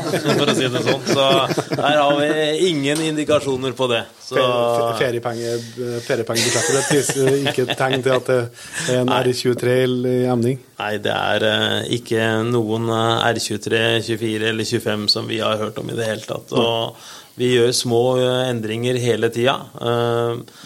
På både stokker og børser, så vi har ingen indikasjon på det i det hele tatt. Så det, altså det kan dere slappe av med. Ja, også, i hvert fall det synes jeg på generelt grunnlag eh, så på tvers av produktkategorier så virker det som at det er den tilnærminga som blir stadig og stadig mer vanlig i produktutvikling. Altså at man ikke eh, leter etter de store hoppene som eh, er krevende både å komme fram til og, og lansere, og problemer med å lansere helt nye ting. Men at det er stadig, om det er telefoner eller om det er biler, eller hva det er, så er det stadig den her kontinuerlige utviklinga som det legges mer og mer vekt på hos, hos produsentene. Ja. Tror vi er på sjuende eller åttende generasjon av avtrekksmekanisme, f.eks. Mm. Så nei, det, der har vi ingen planer. Nei. Ikke noe jubileumsutgave av R93 heller? Jeg vet ikke om det. Ja, har du hørt det, Stig? Jeg har hørt bare snakket snakk ikke om jubileumsutgave av- Mauser her. Altså. Det var 125-årsjubileum, det er litt mer svung 30. Eh, Svein Morten Skjel- Skjelvik han lurer på om Sauer har noe kombi-drilling. Og hvis ikke er noen, det finnes noen planer om det. Det har vi vel ikke per i dag, eh, Jørn? Nei, det, det tviler jeg på. Jeg tror eh, den, eh, den plassen som Sauer har i porteføljen vår, tror jeg ikke har åpna for noe kombinasjonsvåpen der. Eh, De har jo lagd det før. Veldig gode. Eh, Og der var det vel faktisk også Sauer som lagde noen Ja, de har lånt, lånt litt av hverandre eh, før. Men sånn som det er nå, så er det ingen planer. Som vi vet om. Vi har jo veldig sterke modeller i, i blaseporteføljen vår, både på D99 og på BBF, på kombiene. Så sett sånn utenifra, i hvert fall, og innenfra for oss, da, så vil det jo kanskje ikke være lurt å, å begynne å konkurrere med oss sjøl på, på akkurat det segmentet. det segmentet der. Når, I hvert fall når vi har eh, de modellene der som eh, er så bra som de er i dag, da. Mm. Marius eh, Simonsen, da er jeg litt inn på Minox. da, Kommer Minox til å komme med noe termisk optikk? Det er jeg antagelig skuffe deg på, Marius. Eh, Minox var jo veldig tidlig ute på nattoptikk, av forskjellige både digitalt og analogt. Men eh, etter at eh, Blazer kjøpte opp Limke på termisk, så tror jeg nok ikke satsingen kommer på Minox på den delen der. Nei. Da vil det være Limke som er svaret fra Ja, Limke vil være den, den delen av gruppa som vil utvikle og, og satse på termisk for oss. Da har vi neste fra Andreas eh, Mildbratt, som eh, at, skriver at fruen har nevnt- tatt jegerprøven og vil handle, han skal handle, behandle i børs til henne. Han tenker i utgangspunktet 6,5, 55 med tanke på rekyl. Eh, Hvilken modell vil dere anbefale? Det kommer litt an på fruen. da. Man har, har man lov til å spørre om størrelsen på fruen? Har man lov til det? For det, det er jo klart jeg får- jeg at har ikke noe svar til det. Ja, hva vite, da. Hvor, eh, ja, hvor, eh, hvordan kroppsfasong de har, og hvor eh, lett de kan komme til avtrekker og ladegrep og den delen der. Og jeg vet jo at noen fruer hjemme hos dere blant annet har prøvd en Blazer R8 Compact, som vi kaller den. Forhåpentligvis som med stort hell. Absolutt. Så det er den. Ellers så, så er det vel altså finne den børsa som passer til personen, rett og slett. Men så for hvis, du tar, hvis du tar utgangspunkt i, i om det er dame eller mann, ja, men, men at du ikke er så lang, så, så finnes det modeller både som du var inne på med, med den compacten hos plasser, men det finnes Mm. servermodeller eh, som er, er tilpassa ikke for, for dem som er de lengste folka, skal jeg si. Ja, vi har jo en linje på sauer da, som heter Sauer Artemis, som på en måte er eh, ja, blir retta mot, uh, mot det sånn som du sier. Da. At folk som har litt eh, kortere armer, mm. trenger litt kortere stokk i forhold til å få riktig lengde. Eh, så det har vi på sauer. Mm. der har vi flere varianter, både i 100 og 101, og i 303 og 404. Så det er litt sånn eh, som Jørn sa, i forhold til å passe en modell som, finne en modell som passer deg best, er jo det viktige her. Eh, Med det så har vi jo også Vi kan nevne Mauser M18, da, som faktisk eh, har et litt standard, kortere grep og en kortere length of eh, skal vi kalle det det, Ja. Jørn? Eh, enn eh, en Sauer 100, da, som er innste, en vanlig Sauer 100. Så det er på en måte de Hvis vi skal gå helt med tankegangen på å tenke at, eh, at vi skal finne den korteste rifla, så er de alternativene vi har der, da. Og så er det jo sånn som at eh, hvordan hånda di er, hvor lange fingrene dine er, og, og den brattere eh, pistolgrepkappa. Alt dette vil jo passe inn, men eh, når jeg var på forrige skytedag, så var de fleste av damene der passa fint til en, eh, en vanlig stokk, det. Så mm, Nei, det er det. det, er- det fins ikke noen fasit, og i Norge så er vi jo så heldige at vi har både KKC og GRS. Mm. Som også gir kjempegode modeller som passer til flere av de eh, ja, børsene vi har. Mm. Så det er også et eh, andre alternativ. Det er jo som Beate Allerslyst uh, hun spurte om det samme litt. Uh, altså, hvordan første rifle man kunne kjøpe til en førstegangsjeger til Solklart, og det vil jo bli mye de samme svarene. Mm. Sam, samme som til konfirmasjonen vi spurte om i stad. Ja, og ja. Ja. Da kan vi ta Martin Auna, som eh, lurer på tips til hvordan finne igjen den samme høgda på kinnstøtta på en R8 Ultimate. Der er jo en eh, sånn eh, memory-funksjon, altså sånn at du kan trykke Du kan kjøre den helt ned hvis du skal ha et sluttstykke, f.eks., og så når du trykker på knappen, så kommer den tilbake til den posisjonen du har lagra. Det er kanskje ikke podkast det beste formatet for å, for å vise nettopp det her, da, men du kan jo få gode svar hos forhandleren. Men det, det, er et, eh, et trykksystem der, Jørgen, som jeg vet at du har gjennomgått med meg opptil flere ganger. Men jeg mistenker at det kanskje ligger noe på YouTube òg, eller? Ja, det ligger noe Det på YouTube det. Også. Men Martin, eh, hvis du har handla denne blazeren et eller annet sted hos en forhandler som ikke har fått vist deg hvor dette er, send meg en melding på det. Jeg vil gjerne snakke med den forhandleren. Det er, eh, og så skal vi eventuelt lage en liten video for Jegerpodden hvor vi viser dette her. Men trykk helt inn, dra den helt opp, juster den der, få den ut til å klikke halvveis, og få dere den der. Så skal den neste gang når du tar den ned, så skal du når du da trykker knappen halvveis inn til det første punktet, så skal den sprette til riktig høyde. Eh, Da har vi en Mikael eh, Bønå her. Ja. Eh, Det er vi tilbake på R93, om det er et godt alternativ til første blazeråpen. Og noe spesielt man da må tenke på hvis man Og da er det aktuelt med et bruktkjøp, da. Hva man må følge med litt ekstra på da. Ja. Jeg vet ikke om det er noen konkret annonse du har sett, ja, men jeg vil jo si at uh, hovedsakelig så vil jeg si at det, det kommer litt an på hva du betaler for den. Uh, men uh, disse børsene har holdt seg kjempegodt i pris. Og fra å være den, Faktisk er det mange som fremdeles liker dem, for de er litt nettere. Litt lettere enn R8, men mangler da muligheten for uttakbart magasin og, og et avtrekk som står litt tilbake for R8 i mine øyne. Eh, I tillegg til det så er det jo slik at du får jo ikke kjøpt eh, piper originalt fra oss lenger. Nei. Så det vil vel også kanskje hindre noen eh, i å kjøpe det. Men får du en god pris, så er det mange som fremdeles tviholder på R90-trærne sine. Mm. Ikke noe feil med de. Da er Helene Døsvik Dentler Antonsen med navn, vet du. Så vil komme, lurer på om det vil komme en rimelig, rimeligere versjon av Blazeren, og eventuelt hvordan, som en grunnpakke de her kan bygge, bygge seg opp over tid.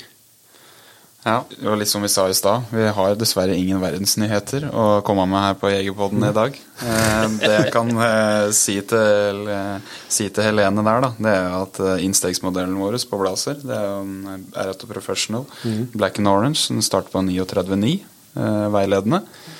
Der har vi jo sett, eh, spesielt de to siste åra, at det er mange som bruker det i forhold til å, å ta med den inn i ettermarkedsstokker. Både mm. til KKC og, og GRS. Da. Ja. Så det vil jo bli innstegsmodellen til Blazer, sånn som det er per i dag. Mm. Mm. Og så er det jo viktig å presisere at enhver Blazer R8 har det samme løpet, har den samme presisjonen, har det samme avtrekket, har det samme sluttstykket. Alt er det samme. Så hvis du kjøper deg en sånn, så er det jo siden å eventuelt oppgradere med en låskasse til eller gjøre den delen der, så har du først kommet deg inn på R8, så har du kjøpt en del av disse Lego-brikkene som vil passe på alle andre modeller siden. Mm. Så det, det, er vel måten å gjøre det på. Mm. Så får man se hva lommeboka tillater. Mm. Jon Øverhaug Aasen han lurer på forskjellen på Sauer 202 og Sauer 404, og om prisforskjellen er verdt det. Ja, Vi tar det siste først, da, med dette med prisforskjellen. Så det er det litt vanskelig for oss å uttale oss i forhold til hva en 202 eh, eh, går veiledende for i dag. Det er jo en modell som ikke vi fører lenger. Mm. Så litt vanskelig for meg å på en måte si akkurat det. Når det gjelder forskjellen, så er det jo flere ting som skiller seg ut fra 404 og 202.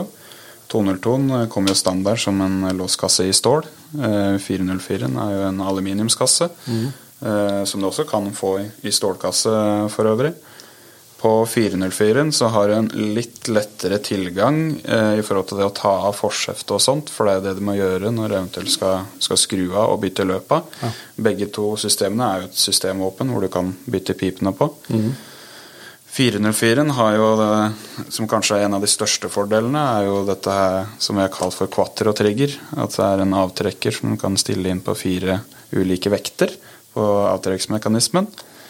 Det som også er unikt med 404-en, er at eh, for å tilpasse altså lengden din da, i forhold til eh, fra handa og fram til avtrekket, så kan du også justere avtrekket fram og tilbake ja. innenfor en viss, på en måte, et visst eh, moment. da. Ja. Og også justere vinkelen på avtrekket da, for at du skal eh, få den til å passe, passe best mulig. Ja.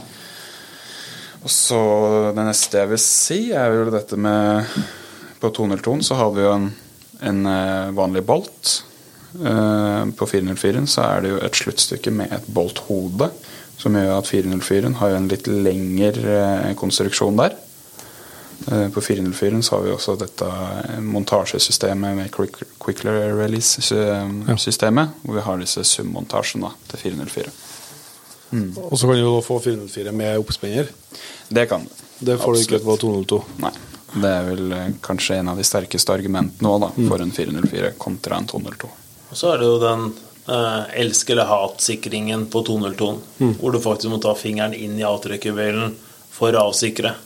Og hvis du er kaldt og du har en hanske på deg, så, så, så, er jo det til tider et eh, ja, ikke helt ønskelig utgangspunkt. da. Nei. Så det var disse tingene, Alt det som Stig sier nå, er grunnen til at vi oppgraderte til 404. Ja. Og vi mener jo det er en oppgradering på alle mulige måter. Så ja.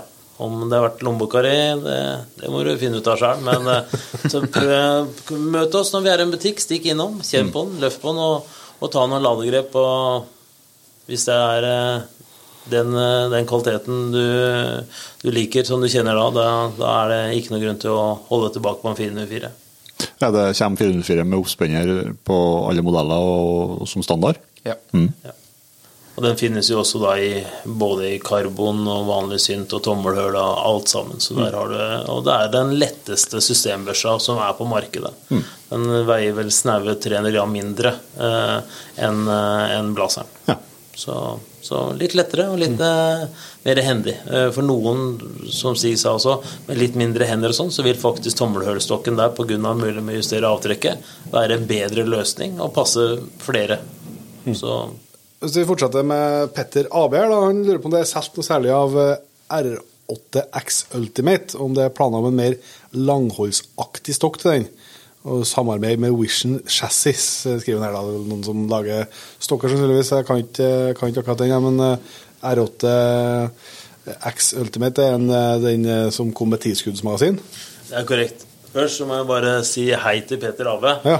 Og den, eh, jeg antar at det er den samme som jeg kjenner igjen fra noen sosiale medier der ute. Ja. Det er en, den energien og den eh, tilstedeværelsen på SoMe, som det heter i dag. Petter, du imponerer meg med eh, din eh, Ja, din eh, det å være på og, svare fort og, og drive bl.a. en av Blaser-gruppene på Facebook. Tror jeg han er en av de guttene som står bak. Ja. Superbra. Eh, nei, eh, Petter, jeg tror ikke vi har noen direkte planer om det. Eh, vi mener jo at den Ultimate-stokken vi har, med alle de innstillingene, i grunnen er god nok for den jaktbørsa som vi ønsker å ha. Eh, X-en er en liten del hvor vi snuser litt på konkurransedelen med tiskuddsmagasin, det er krav i noen eh, konkurranseformer. Eh, Men eh, nei, vi har ikke noe annet som det. Og Vision sine chassiser er kjempespennende, men så vidt jeg vet, så er det ikke noe planlagt eller noen diskusjoner rundt samarbeid med de. Men ønsker de uansett lykke til. Jesper Dier, nå skal vi inn på en modell vi ikke har snakka så mye om, men jeg lurer på fordelene og men også ulempene med modellen Blazer K95. Ja, eh, skal ta det litt først, da, så er jo vi eh, i hvert fall de norske jegerne jeg har snakka med, det er mange av oss som er programmert for at vi skal ha flere enn ett skudd tilgjengelig når vi er ute på jakt. Eh, jeg vet ikke. Det er vel eh, I de fleste tilfeller så skal det vel holde med et skudd, selv om det gir en ekstra trygghet. Så hvis jeg, kaller det ulempe i gåseøynene, så er det jo det at du har ett skudd, da. Men det er klart det blir et eh, litt sånn snevert eh, segment da, i forhold til type jakt. Jeg mener jo at eh, K95 er, må jo være den perfekte riggen for både toppjakt eller reinsdyrjakt. Det er jo en modell som er en del lettere enn vanlig R8. Er det 400-500 gram, eh, Jørn? Ja. Når vi ser på totalen der. Eh, utenom eh, eventuelt demper og, og, og sikte, da. Men det å skulle ha med seg en sånn som du kan rett og slett brekke sammen og legge i, i sekken på reinsdyrjakt når du skal gå lange avstander, du skal bære tungt, eh, må jo være det perfekte. Eh, Kvalitetsmessig, hvis vi skal sammenligne det med Blazer eh, R8-løp, så står jo ikke det tilbake eh, for noen ting. Kan jo ta en titt inn på eh, YouTube-kanalen til Thomas Haugland, så får du en veldig god bekreftelse på det i forhold til hva det våpenet der er i stand til å prestere. Mm. Så det er i hvert fall min subjektive mening på det, på det spørsmålet der. Det er, jo, det, er ikke, det er jo bare fordeler, utenom at det er bare ett skudd. I mitt, altså, for det er jo, det er lettere og smekrere, og jeg syns jo det er jo jæklig fin. Det er jo enda flere som har fått eh, øynene opp for siste tida. Jeg vet ikke om det var gjorde for at vi fikk to ekstra våpen i garderoben, men eh, kombivåpen og K95 har vært den på alle steder vi er hvor folk har lyst til å prøve å kjenne på og, og får øya opp for den. Det er mulig at eh, ja, kanskje det er flere på min alder som har passert 50 og ønsker å være litt lettere og, og kanskje har en lommebok som gjør at vi har plass til et våpen til der, men eh, K95 og, og den enkeltskuddsfølelsen, eh, om det er reinsdyrtoppjakt eller rådyrjakt, det er, eh, det er noe for seg selv. Og da er, jeg ikke si det er litt som å fiske med flue, men du, du velger skuddet litt, eh, litt nøyere. Du, du tar den ekstra tida, og eh, ja, det er eh, ja, er et våpen som veldig mange lar seg fascinere av. Når du først har brukt det, så, så tror jeg det er et våpen som det er vanskelig å gå tilbake på. Det er en uh, egen, egen filosofi å jakte med et skuddsvåpen. Og så er det med Um, jeg har jo jakta litt med, med D99, eh, og det er jo samme, du må jo knekke våpenet og skifte patron der òg. Og eh, du bruker ikke veldig mange sekunder på det også, hvis man, hvis man terper litt. Og, og har jo skutt i jaktfelt med, med den børsa med tidsbegrensning. Uh, og det? Ja, det, det går, det. Ja. det, og det, og det, er jo, det er jo ikke noe dumt å, å, å terpe. og Har man ei- våpenrem på børsa med, med plass til to patroner i, så, så går, det går, går unna å få, få unna skudd der, altså. Og til dere som ikke visste det, så er det plass til to patroner i en blazer-reim. Eh, vi var inne på det med, med det hellempa løpet, men det bare kom et eh, sånn litt mer detaljert spørsmål fra en Vegard Hatland på det, som lurer på det med blazer og Søvers hellempa løp på tanke på varme. Hvis en skjøt en del skudd på kort tid, f.eks. jaktfelt. Er det noe forskjell eh, på Er det noe mer eller mindre mirasje på en sånn en dere som har prøvd dem og skutt litt med dem, enn det er på en vanlig, vanlig demper? Eh, Det som eventuelt varmemessig er at det- pipa er jo dreid ned, så den blir mindre, og da kan bli varmere. Det som veier mot det, er jo at eh, det er en større overflate på den demperen. Ja. Så sånn sett så har ikke jeg Nå har jeg ikke mange hundre skudd med det, men eh, jeg kan ikke si jeg har merka noe som helst forskjell på en vanlig demper eller en, en, en silent stem for oss. Har du gjort noen tanker om det? Samme, samme erfaringer. Ikke noe, merker ikke noe, noe forskjeller. Og det, og, det, og det skal også noe skudd til før at du, altså, for, for, for at du merker det.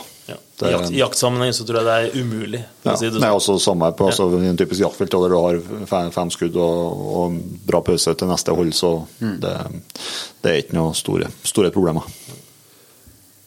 Ole Henrik eh, Stokkan lurer på det her, her med, som vi var inne på i stad, som er at det ikke går an å bytte fra eh, professional suksessstokk til ultimate stokk. Men han lurer på ca. hvor mye mellomlegget vil bli. Har dere det? Hvis du ikke har kjøpt den fra før, så er det vel en 12 000-13 000 som er opp ifra suksessen til ultimaten, ultimaten, sånn utgangspunktet. Utfordringen kanskje er at eh, Blazer ikke selger rene stokker. Vi selger jo låsekassene med det hele. Okay. Så sånn sett så er det ikke noe lett oppgradering eh, fra suksess til ultimate Nei. hvis du først allerede har en brukt. Men eh, vil jo si at eh, børsene våre holder seg fantastisk bra på finn.no. Så hvis du har en fin suksessstokk, så tror jeg ikke det er så veldig vanskelig å kvitte seg med den. Og, og kanskje kjøpe seg en både ny eller brukt ultimate. De, de ligger der ute ganske ofte. At det er, det er lettere, lettere reise det kanskje enn å, enn å begynne å selge den i deler og, og brukt, gjenbrukt delene etterpå igjen. Jeg vil si det. Mm. Så er det med Blazer sine egne kaliber da, fra eh, Andreas eh, Løftali. Eh, Lurer på eh, hvordan forklaringen også hvordan, Blazer har tenkt der. Altså, det, er jo selvsagt et eh, stort, stort tema, stort spørsmål, men, eh, men hvordan kaliber er det som Blazer sjøl har utvikla og, og har patentert, skal jeg si? Skal jeg ta, ta den, Stig? Den kan du få lov til å Da tar jeg den. Jeg gleder meg. Ja. Hovedsakelig så har Blazer eh, fire egne Magnum-serier, som er 7 mm, 300, 338 og 375. Når den eh, ble laget, så var det et samarbeid med Norma, hvor de hadde lyst til å lage nye eh, patroner, Magnum-patroner, som enten var like gode eller kanskje 5-10% bedre enn de originale. Altså 7 mm remmag, 3D vindmag osv. Eh, det de lagde, var eh, da hylser uten den magnum-kragen i bånn, den, den skulderen. Eh, hovedsakelig for den trenger man ikke i moderne eh, børser. Eh, Det trengte man før, når det var mindre skuldre. Så når du skal måle lengden og sånn, eh, og friflukt, så var det en nødvendighet at du hadde da den magnum-beltet i bånn der. Så de lagde da noen hylser som var uten magnumbelte. De lagde dem også uten det som er en da begrensa bånd. Det betyr at eh, du har en, eh, en fullsize magnum-bånd også på den. eh, Og eh, du får litt eh, skråere eh, skuldre, eh, hvilket gjør at du får litt bedre forbrenning, men også da mindre eh, løpsslitasje. Så eh, alt i alt så er disse fire magnum-kaliberne laget som mer moderne i forhold til de klassiske som er der ute. Eh, Dette er jo spesielt interessant for hjemmeladere, som ønsker da å, å få enda bedre presisjon og gjøre det enda bedre med den delen der. Eh, Beltet vil også gjøre litt mindre smidig lading Eh, men så er det det klassiske at kanskje noen ønsker den. da. Ja. Så vi snakker om 5-10% og kanskje en litt mer teoretisk eh, bedre eh, skytefølelse, for å si det sånn. Presisjonen vil også kunne teoretisk være bedre, men det kommer også litt an på han som lader. Yes, da er det Martin Haugestad eh, som lurer på anbefalt vedlikehold av D99-stokken. Eh, da kan du kanskje slå alle trestokker fra Blazer under, under, eh, under en kam, kanskje? Jeg vil si det at eh, på alle trestokker de tåler antagelig mer enn det de fleste tror. Bruk dem. eh, Putt litt stokkolje på dem, om det står CCL, er det ikke det som er et vanlig merke, tror jeg? Eller om du så Blazer på den. Vi har fått ny stokkolje, så tipser alle sammen. Der er den eh, lettere å, å smøre på. Og gjøre det med ja, én til to ganger i løpet av en sesong. Du har kommet kjempelangt. Og er du så uheldig å få noen riper inn, er du så uheldig eventuelt å knekke den, så er det så mye flinke børsemakere der ute som hjelper deg. Og ja, jeg har hatt uh, trebørser og brukt dem i ti år, og når du sender dem inn sånn, så tror du nesten du har fått noe nytt tilbake. Så det er eh, Ikke tenk så mye på det, eh, men, uh, men smør den inn med stokkolje innimellom. Det er det enkleste vi kan si. Ja. Så har vi en Jørn Morten Enger da, som lurer på noen tanker om løpene børsmakere nå tilbyr med, til Blazer med løpsmuffe. Om vi tenker da på kvaliteten til Blazer kontra f.eks. Walter eller Lilja. Om det er et problem eh, at man har muligheten til å sette på noe som ikke er laga av Blazer sjøl. Ja, det her er jo kanskje litt mer om businessfilosofi, vil jeg si i stor grad. Det finnes eh, masse flinke børsemakere som lager eh, disse ordningene. Eh, det kan si at det er jo ikke noe som vi garanterer. Eh, de løpa vi lager og den, den eh, ja, produksjonen vi har, er jo vi på et ekstremt høyt nivå. eh, Og det gjør at du kan bytte de om hverandre. Det finnes ikke noe andre systemer hvor du kan bare ta et løp og sette inn og, og sette på kikkerten og få, få høl i høl på den måten som vi har. Så, men jeg kan jo ikke si at uh, verken Walter eller Lilje eller andre av disse, ja, om det er Proof eller hvilke andre som man bruker, så er det jo kjempegode løsninger. Og de kan ha sine fordeler uh, med disse moffene. Uh, men eh, hovedsakelig så vær klar over det at eh, mm, det som kanskje trekker eh, mest ned, er vel ofte den uh, overflatebehandlinga. Der hvor vi har eh, på våre, så har vi plasmanitrering, som er kjempehardt, og som går eh, ja, eh, de fleste andre behandlinger enn en mange ganger over. Eh, mange av disse ceracoates, og det betyr at du får et ekstra lag som av og til, eh, når du setter på kikkerten, kan gjøre at den ikke er så nøyaktig, for du får det ene, ene tynne laget, slik at du ikke får den samme av- og påfølelsen når du setter på kikkerten. Vi har fått noen av de inn som da ikke blir så presise, og så må du skrape bort uh, den til da som sitter i det, det sporet til kikkerten, og da kan det ruste litt der. Så, men uh, mye flinke børsemakere, og hvis det er en løsning som man ser fordeler med, så ja, da, da er man fritt uh, til å gjøre det. Torbjørn eh, Midthus eh, lurer på om han kan endre avtrekk på en eh, Blazer BVF 95 Lux. Han ønsker trykkavtrekk, skaper hodebry og ligger på skytterbanen og prøver direkte jaktavtrekk på kombien etter en eller flere serier med rifler som har trykkavtrekk. Korte svaret på det er vel nei. Det er rett og slett pga.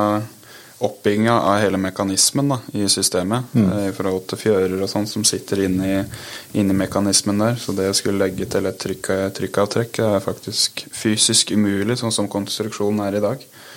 Så Vi, vi kan ta dem inn og eventuelt gjøre det litt tyngre med å legge på noen ekstra blader og sånn, men eh, det er i så fall noe som vi kan gjøre. Men uh, nei, den, eh, den, det han spør om der, får vi dessverre ikke til. Filip Hovde Kjeserud han lurer på som, noe som jeg tror er mange som ikke er i denne blazerbobla, lurer på. Det er hva det er som er så magisk med blazer, som gjør at uh, alle som har et blazerprodukt, blir 100% fanboys av merket. Det sitter jo to fanboys uh, på, eller kanskje fire her òg, i hvert fall. eh, etter som en, som ser da. Hva, har du noe godt svar på Jørn? Jeg tipper du har tenkt på det før? Ja, dette er eh, Dette er ganske interessant. Men jeg vil jo si sånn at de fleste som har kjøpt det, når de har tatt med på banen, når de har skutt den og tatt av på og brukt denne her, så gir den børsa et ekstremt raskt tillitsforhold. Du stoler på den veldig fort, og uansett hva du sier om det andre, så, så blir de andre stående mer igjen. Eh, litt av følelsen. Altså den, det er kanskje derfor vi reiser rundt og er på banen og, og vil at folk stikker inn og forhandler og får kjent på børsene. Det er en egen feeling med det. Men, eh, og så er det jo oppspenneren. da. Når du først er vant til en oppspenner, du er først vant til dette avtrekket, mulig å bytte disse kikkertene av og på, så, så er det vanskelig å gå tilbake, da, rett og slett. Altså, det, der kan jo dere svare på Jo, like det, godt som meg. så det, så er nok, altså, det er nok helt eh, klart en del sånn rent sånn mekaniske og funksjonelle ting. Og så er det jo et uh, Har jo til og med trauste helgejegere fra Namdalen et, et følelsesliv. Og, og så, sånn, er vi jo, sånn er vi jo alle sammen. eh, på- det på, for noen er det på våpen, for noen er det på biler, for noen er det på hunderaser.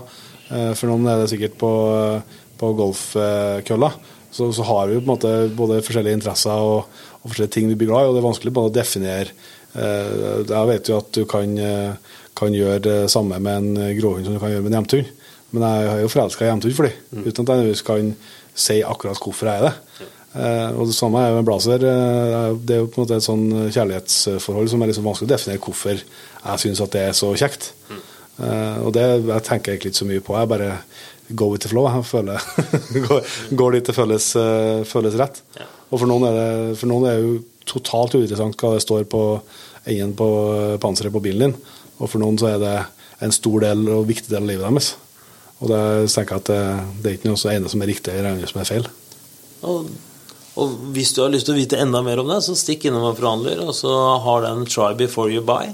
Så er det faktisk mulig der å låne børse og ta det med på skytebanen og, prøve den. Og, og gjøre den uh, avtalen med han, og så kan du faktisk se sjøl. Det, det, eh, det er vel noe som engelsk sier 'if you don't know'. Uh, I can't tell you, eller et eller annet sånt. At det, hvis du ikke, hvis du ikke veit det, så, så er det ikke noen måte å prøve å forklare det på, unntatt at du må prøve det sjøl. Det var en dårlig engelsk uh, ligning der. Nei, jeg ble, jeg ble varm i hjerterota, Jørn. Ja. Min mor, engelsk mor har blitt stolt av det. En annen satsing eh, i tillegg til optikk eh, hos Plasser de senere årene som har vært stor, det er jo det med, med klær. Og det er en, kar som heter for Eivind Forsmo som lurer på Han har, lurer på hvordan han opplever den nye Striker-serien. Med tanke på eh, regn, vind og bevegelighet. I dag så har han en Venture-modell som jeg er superfornøyd med. Eh, Så har han et tilleggsspørsmål etterpå, men det kan vi ta, kan vi ta etterkant. Ja. Jeg har brukt Venture-serien året sist. Um, veldig, veldig fornøyd med de. En tynn eh, og en litt kraftigere en, som har passa i hvert fall meg og min jaktform veldig. Eh, så vet jeg at det er en andre på kontoret her som har brukt striker en god del. Og det han sa, var at han er veldig fornøyd med det.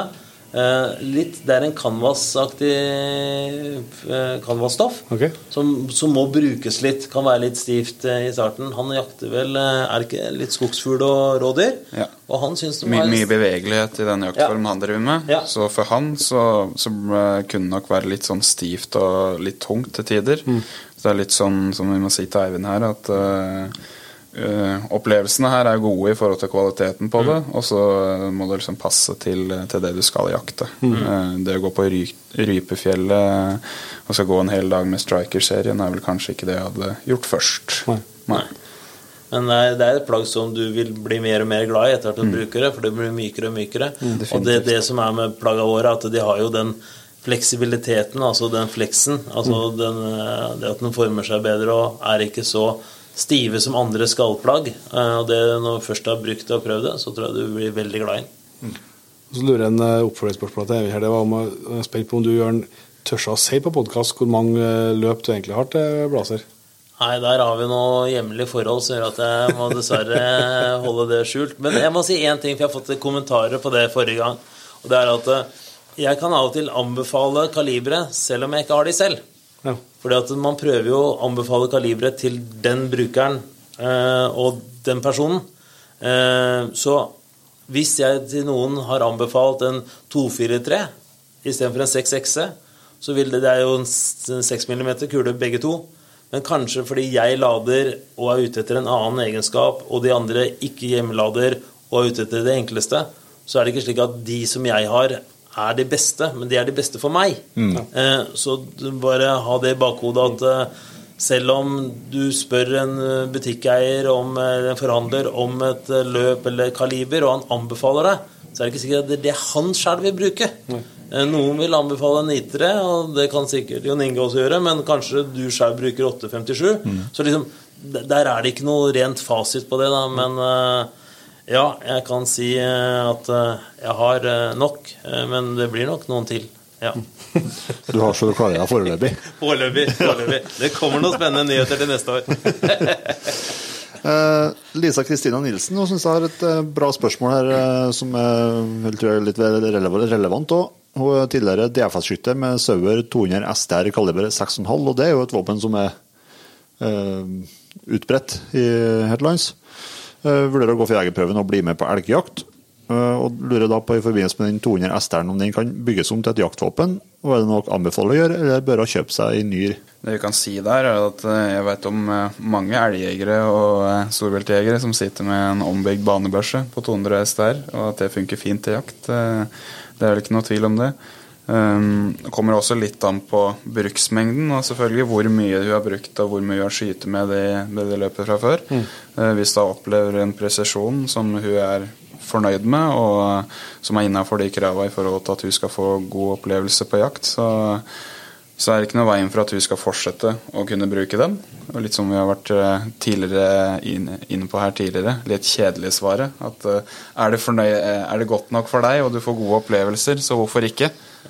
Vi vi vil også bare kjapt legge til at uh, den er jo litt tyngre ofre. Det blir en større og mer eh, klumpete børse. Så kommer man på hvordan type elgjakt det er.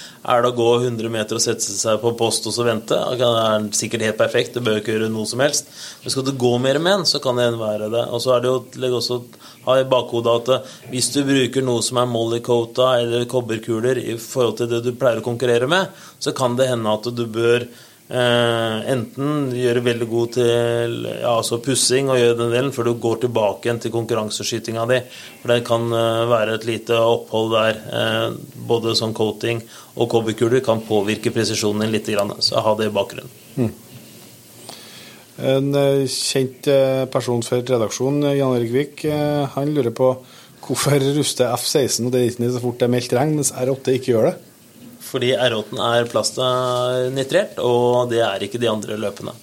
Så det er eh, vanlig blånering, eh, og der holder de like god standard som alt annet. Men selvfølgelig når du sammenligner med plasmanitreringen som vi har på R8, eh, og faktisk på 404 på Sauer, så er det ikke noe som er i nærheten av det. Nei. Så så enkelt er det. Det er hardt. Spør en børsemaker som prøver å kappe løpa. Han kan fortelle deg hva forskjellen på det og andre løp er. Og, den, og, den, og det kan man ikke gjøre på, på f.eks. hagløp, da. Nei, den, den prosessen gjør vi ikke der. Nei. Så er et eh, spørsmål jeg er litt nysgjerrig på sjøl òg. Espen Rikstad Hagstrøm. Nytt våpen, hva er viktig å tenke på de første turene på skytebanen? Er det noe sånn eh, Det skal være noe skjøt sånn og sånn serier og puss og hit og dit, og er det In, Ingen av løpet av året trenger det. Men det jeg vil si før du drar på skytebanen, prøv litt hjemme. Bruk børsa. Finn sikringen. Gjør avtrekk. Eh, Selvfølgelig helt å få skarpe skudd langt bort fra det, men ta ut magasinet. Bruk børsa, bli vant til den. Hvor legger du fingeren? Ta Stille inn kikkerten, slik at du slipper å komme på banen, og så må du begynne å skru på den, for det er folk, du har ikke de riktige verktøyene. Så bruk hjemme. Stille inn kikkerten, få riktig avstand, gjør klikka dine. Tørrtren masse før du kommer på banen. Og når du kommer på banen, skal du bare kose deg. Så ikke, ikke gi deg selv den ekstra stresset med det. Så om du ja, bruk litt tid i sofaen og klikk og styr med den, så bli godt kjent med den før du kommer på banen. På banen så er det det viktigste bare å skyte så mye som mulig, men skyt gjerne så likt som det du kommer til å jakte. Ja. Så mest i jaktstillinger. Så, og det er normalt ikke liggende på magen med en tofot. eh, Det er normalt ikke der de fleste av oss kommer i jaktsituasjonen, da, tenker jeg. Men ikke noe sånn serier med så mange skudd og pussing og så mange skudd igjen og pussing, og den, det, det er forbi? Nei. Det er, det er eh, Pass på at det ikke skyter så mye at lyddemperen din blir så varm at du ikke får skrudd den av. For den lyddemperen bør av før du forlater banen. Ja. I- Hvis du spør Atek eller de andre eller Hausken, så tror jeg vi sier at eh, når du ikke klarer å ta inn og skru den av, så har du skutt for mye. Ja. Lars Lauvmo eh, har et spørsmål, og det kan jeg jo stille meg bak òg. Kommer det Ultimate Stock til D99? Ikke som vi vet om. Nei, det tviler jeg på, gitt. ikke med det første. Nei. Faen! Eh, Det her med kapping er jo alltid et eh, tema. Roger Olsen lurer på det, hvor mye maks kan kappe et blazerløp eh, i 3006 uten at det går utover presisjon. Hvor maks du kan kappe det, det er jo loven som tilsier at du må være over 40 cm i Norge. Det er dumt å kappe under 45 hvis du skal ta den tur til Sverige. Så der vil jeg prøve å anbefale å holde over det. Um, når det kommer til presisjonen, så er det jo slik at et stivere løp vil jo være et bedre løp. Det er to måter å gjøre det på. Det er jo da enten å gjøre det tjukkere, eller faktisk å kappe det. Så presisjon i seg sjæl bør ikke ha noe å si på om du kapper det eller ikke. Det er eh, ja, resonansene i børsa som eventuelt gjør noe med det. Så kapp det du føler for, men det er klart at hvis du har en 3006, som er et kaliber eller, eller en magnum, kaliber, så fjerner du jo noe av egenskapene med å gå bort ifra det den er konstruert ut ifra. Den er konstruert kanskje for å komme en hastighet på 850 meter per sekund eller noe. Idet du kapper den, så fjerner du noen av disse egenskapene. Men jeg vil gjerne slå i hjel en sånn, eller, sånn hva heter det, urban legend, eller urban myth, som har blitt at trener 308 tåler bedre å kappes. Eh, prosentmessig kanskje, men har du en 306 som du kapper til 47 cm, eller en 308 som du kapper til 47 cm, så vil du fremdeles ha de 50 pluss meter per sekund mer på 306-en. Så det å kappe en, en, en mindre effektfull patron vil allikevel gi deg mindre effekt i andre enden, selv om prosentmessig kanskje taper 3,2 meter per sekund eh, istedenfor 4 meter per sekund per centimeter så vil jeg i hvert fall si det at uh, i det du kapper, du, fjerner, du kjøper seg en 300 Windmag, får å da kappe den ned, sånn at det blir prestasjonene til en 306. Er jo ikke noe smart, men en 300 Windmag vil alltid være raskere i samme lengde som eh, en eh, 306 f.eks. Mm. Så det at 308 skal bli det at det er eh, nye, fantastiske kalibre som alle skal ha, spesielt for vi som har blazer, som er tilpassa hvert kaliber helt perfekt, det er jeg litt imot. Men eh, 80% av det vi selger, er 308, så det er vel noe der òg. Mm. litt her, da. Tim Blomsterpotte. Han eh, på man Det er jo et- det er jo et ultimatum. Ute, ultimatum det her, da. Kjøp en Blazer til 50 000 og ha råd til å jakte ei helg i året. Eller kjøp en Mauser til 15 og ha råd til å jakte tre helger i året. Det er jo ikke så veldig vanskelig. Nei, der, der syns jeg, jeg syns ikke dette var en utfordring, eh, egentlig. Men Det er alternativ to, så får du jakta tre ganger så mye. Så det er vel ikke så mye å lure på. Nei, det er ikke det. Eh, det er vel opplevelsene vi jager her, i det vi driver med. Ja. Eh, så jeg vet ikke, Jørn. Er du Nei, 100% Jakt, eh, jakt så mye som mulig, og så kan de andre komme siden. Godt svar. Et eh, sånn eh, fun fact-spørsmål fra en Tage Fagli som jeg er nysgjerrig på. Det sikkert dere vet svaret på det, dere, men det er hva er den dyreste blazer som noen gang er solgt? Den her spørsmålet så jeg et eller annet sted, og da ringte jeg til Tyskland, så hørte jeg om dette. Ja. Og det som eh, er den dyreste som de kunne fortelle meg om, er eh, det er en fyr som heter eh, Emiren av Dubai. Sikkert en fyr med mye penger, bare, bare på tittelen hans. Jeg har ikke møtt ham, jeg. Det det høres ut som- han, han kjøpte en eh, R93, som på det tidspunktet, dette er antagelig på tidlig 2000-tallet, Mm. kosta nærmere 3 millioner. Hva en sånn børs hadde kostet i dag, er vel over det doble, tenker jeg. Men det er vel den som Blazer sa til meg, var den var den eh, dyreste de noensinne hadde solgt. Eh, så tusen takk for et kult spørsmål. Jeg er sikker jeg snakka med noen hyggelige mennesker i Tyskland også. Veldig bra. Da er vel strengt tatt eh, sikkert det samme løpet og sluttstykket og magasininnsatsen og sånt som det er de aller fleste er. Det er i hvert fall ikke noe bedre presisjon Nei. enn eh, i alle de andre. Men Men, det- han ser sikkert litt mer jålete ut. Ja, jeg, jeg vil tippe det. Det er sikkert, sikkert noen heftige detaljer. ja. Ja. Kanskje noe gull òg. Ja, det, høres ut som du har mer penger når du er emir fra Dubai enn når du er podkaster fra Namdalen. det sånn. Det er noe i lyden der. Ja, det er så. Eh, Andreas Ole Helskog, leveres all kaliber til sauer med heldampaløp? Nei. Nei. Det er vel en veldig Sånn som det er nå, så er det jo da de mest brukte, og det er jo da 308, 306, 857, 93 og 8,5 55 pluss 300 Windmag er vel de som vi leverer i dag. Mm. og det vil eh, utvikle seg etter hvert som folk eh, spør om og, og kjøper det. Men ja. i og med at som jeg sa, 80% av det vi selger, er jo 308, så sier seg at det, det dropper veldig fort da etter det. Så, så Så sånn er det. Men eh, kom med gjerne noen forslag til oss, så skal vi se på det. Stein Egil Sæter har en Sauer 202 TD. Han lurer på om det er mulig å få tak i original koffert. Der. Det er vel en takedown han uh, sikter til, er ikke det, Jørn? Jo. Uh, våre kofferter som vi har til 404 i dag, uh, passer de? Nei, Litt usikker, jeg de, tror vil, ikke det. de, de vil ikke passe med noe fortere. Så der har ikke vi noe Og vi har ikke noe på lageret heller. Ikke noe originalt nytt som vi selger i dag. Uh, mulig noen av forhandlerne våre sitter på noe sånt fra, fra eldre tider, men ikke noe fra oss i dag, nei. Da må jeg bare referere også til den forrige importøren, som var Magne Landerød på Lillestrøm. Snakk med dem. Eh, der er det enorm kunnskap og flinke folk. Jeg tror de har et bedre svar til dere. Magne Rostad spør for en venn. eh, Det er jo et mye brukt, mye brukt unnskyldning. Jeg lurer på hva det letteste du kan få en eh, R8 er. Ja, da tror jeg hvis du legger børsa di eh, på, Petter, på vekta, så tror jeg den kommer på rundt 2,9, eh, mulig 2,940. Det tror jeg er den letteste. Det er karbon med et eh, løp som er kappa ned mot 42 cm noe. Det tror jeg er det letteste vi har. Og så litt tilbake på optikken. da, Andreas Hansen Wang. Hvem produserer optikken fra Blazer? Er det egenproduksjon eller er det lisens? Stig? Det er eh, egenproduksjon. Ja. Eh, det lages alt i, eh, i Tyskland, i Wetzlar. Ellers, altså, all produksjonen til Blaser Group ligger jo i Isny i Tyskland, utenom dette med optikk og, og det termiske, som ligger i Wetzlar.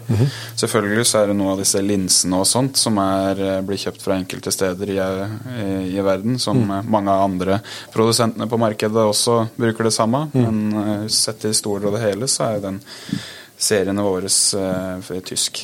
Ja. Erlend Rygg har et spørsmål her. Eh, Det første har vi kanskje prøvd å svare litt på hvorfor Blazer er så avhengighetsskapende. Men eh, så et seriøst spørsmål etterpå skrev han eh, det når skal Bla- Blazer begynne å leve ladeutstyr? F.eks. Dia til 8,550 og andre kaliber de har kommet med. Ikke så mye utvalg i det kaliberet ennå. Det hadde vært kult med egne Blazer-Dia, sier skriven. Ja, det jeg kan si til deg at eh, alle som har prøvd å kjøpe ammunisjon nå den siste tiden, har jo opplevd hvor vanskelig dette er. Så det har vært en vanskelig tid for oss å få eh, god produksjon og, og ha godt med kuler på lager. Men vi har i disse dager samtaler med en av verdens største produsenter, hvor vi ser på muligheter å komme både med daier og med ammunisjon og andre ting. Så Erlend, følg med. Det, om du får det i julegave eller ikke, det får vi se. Men det her er nærmere eh, enn eh, ja, en det vi kunne håpe på. Så gode nyheter kommer fra Blazer ammunisjonsmessig om ikke altfor lenge. Noe ja, sånn eh, som jeg har hørt, også, det er Tommy Skaar. Om det stemmer at løpene til Mauser, Sauer og Blaser blir produsert på samme fabrikk? Ja, det stemmer. Og eh, der er det en del desinformasjon på nettet. Senest i går så titta jeg litt rundt, og da fant jeg det der. Det er det samme stedet som produserer dem, og det er det samme stålet som er i alle sammen. Det var ikke det før, men nå er det det. Og vi produserer alle rifleløpene våre sjøl. Ja. Eh, men i og med at vi har forskjellig ytterbehandling, brunering eller plasmanetrering, så blir produksjonen litt annerledes. Ja. Så eh, det er annerledes produksjonskrav og annerledes produksjonsmetoder på de, og de vil også få litt andre egenskaper, pga. at dette går jo da mer med fysikk og kjemi og varmebehandlinga, som er av de forskjellige produksjonene. Men ja, alle lages i samme, alle har samme presisjon i utgangspunktet, og alle er i samme metall. Det er helt riktig. Men så er det da ytterbehandlinga som gjør faktisk at de også får noen andre fysiske eh, egenskaper. Eh, Martin Mostad, eh, det gir jo litt muligheter her for å redegjøre litt for merkevarene. her da. Han lurer på om Blazer kommer med, med termiske sikter og spottere. Det jeg kan si eh, der, da, for å, for å ta det, så er det jo Limke vi har eh, under den det paraplyen eh, av de merkevarene som vi har. Så, så er det Limke som fokuserer på det termiske. Det vi gjorde der for det blir jo nå ett og et halvt år siden, så gikk vi bort fra disse skal vi kalle det annenhåndsproduktene i forhold til hva vi importerte fra, fra Asia, og fokusert på mer våre egne merkevarer da, som vi skulle produsere, produsere selv i Tyskland. Så det vi har starta med der, er at eh, det kom det først eh, to forskjellige termiske clip-ons eh, sammen med den nye kikkertserien vår, Blazer B2. Ja. Eh, skal ligge i premiumsegmentet hva gjelder av clip-ons på det termiske markedet. Eh, Etter det så har vi kommet med to eh, nye håndholdtjern Som også ikke står tilbake for noen, av, mener vi i hvert fall, i forhold til hvis man skal sammenligne av det som er i toppen på markedet. Ja, Det er vi stolte av. Det er nok en gang, jeg har sikkert sagt det mange ganger i denne podkasten her, men jeg vil si det igjen, stikk innom eh, forhandlerne våre. Prøv å, å se og stole på deres egne øyne. Eh, der ute nå, om det er markedsføring eller om det er Facebook eller hva det er, så er det et virvar av mennesker som både representerer Og la meg ikke legge skjul på det, jeg representerer Blazer, og det er vel eh, den delen. Men det er veldig mange der ute som man later som de er nøytrale, eller hvilken rolle de har, er ganske uklart innimellom. Mm. Om de er sponsa, eller om de får låne ting, eller Ja, eh, der er jo vi veldig klare her at vi har jo et samarbeid med dere. Mm. Mens andre har definitivt andre agendaer når det kommer til dette her. Så stol på øya deres. Dette gjelder alt når det kommer til termisk eller optisk. Gå i butikkene, prøv det sjøl. Mm. Er det en seriøs forhandler, så får dere låne på kveldstid. Ta dem ut. Finn ut hva dere syns er verdt det, og så kan du sammenligne med det du har i lommeboka di. Mm. Det er ingen annen måte å gjøre det på. Eh, må si det samme som Stig.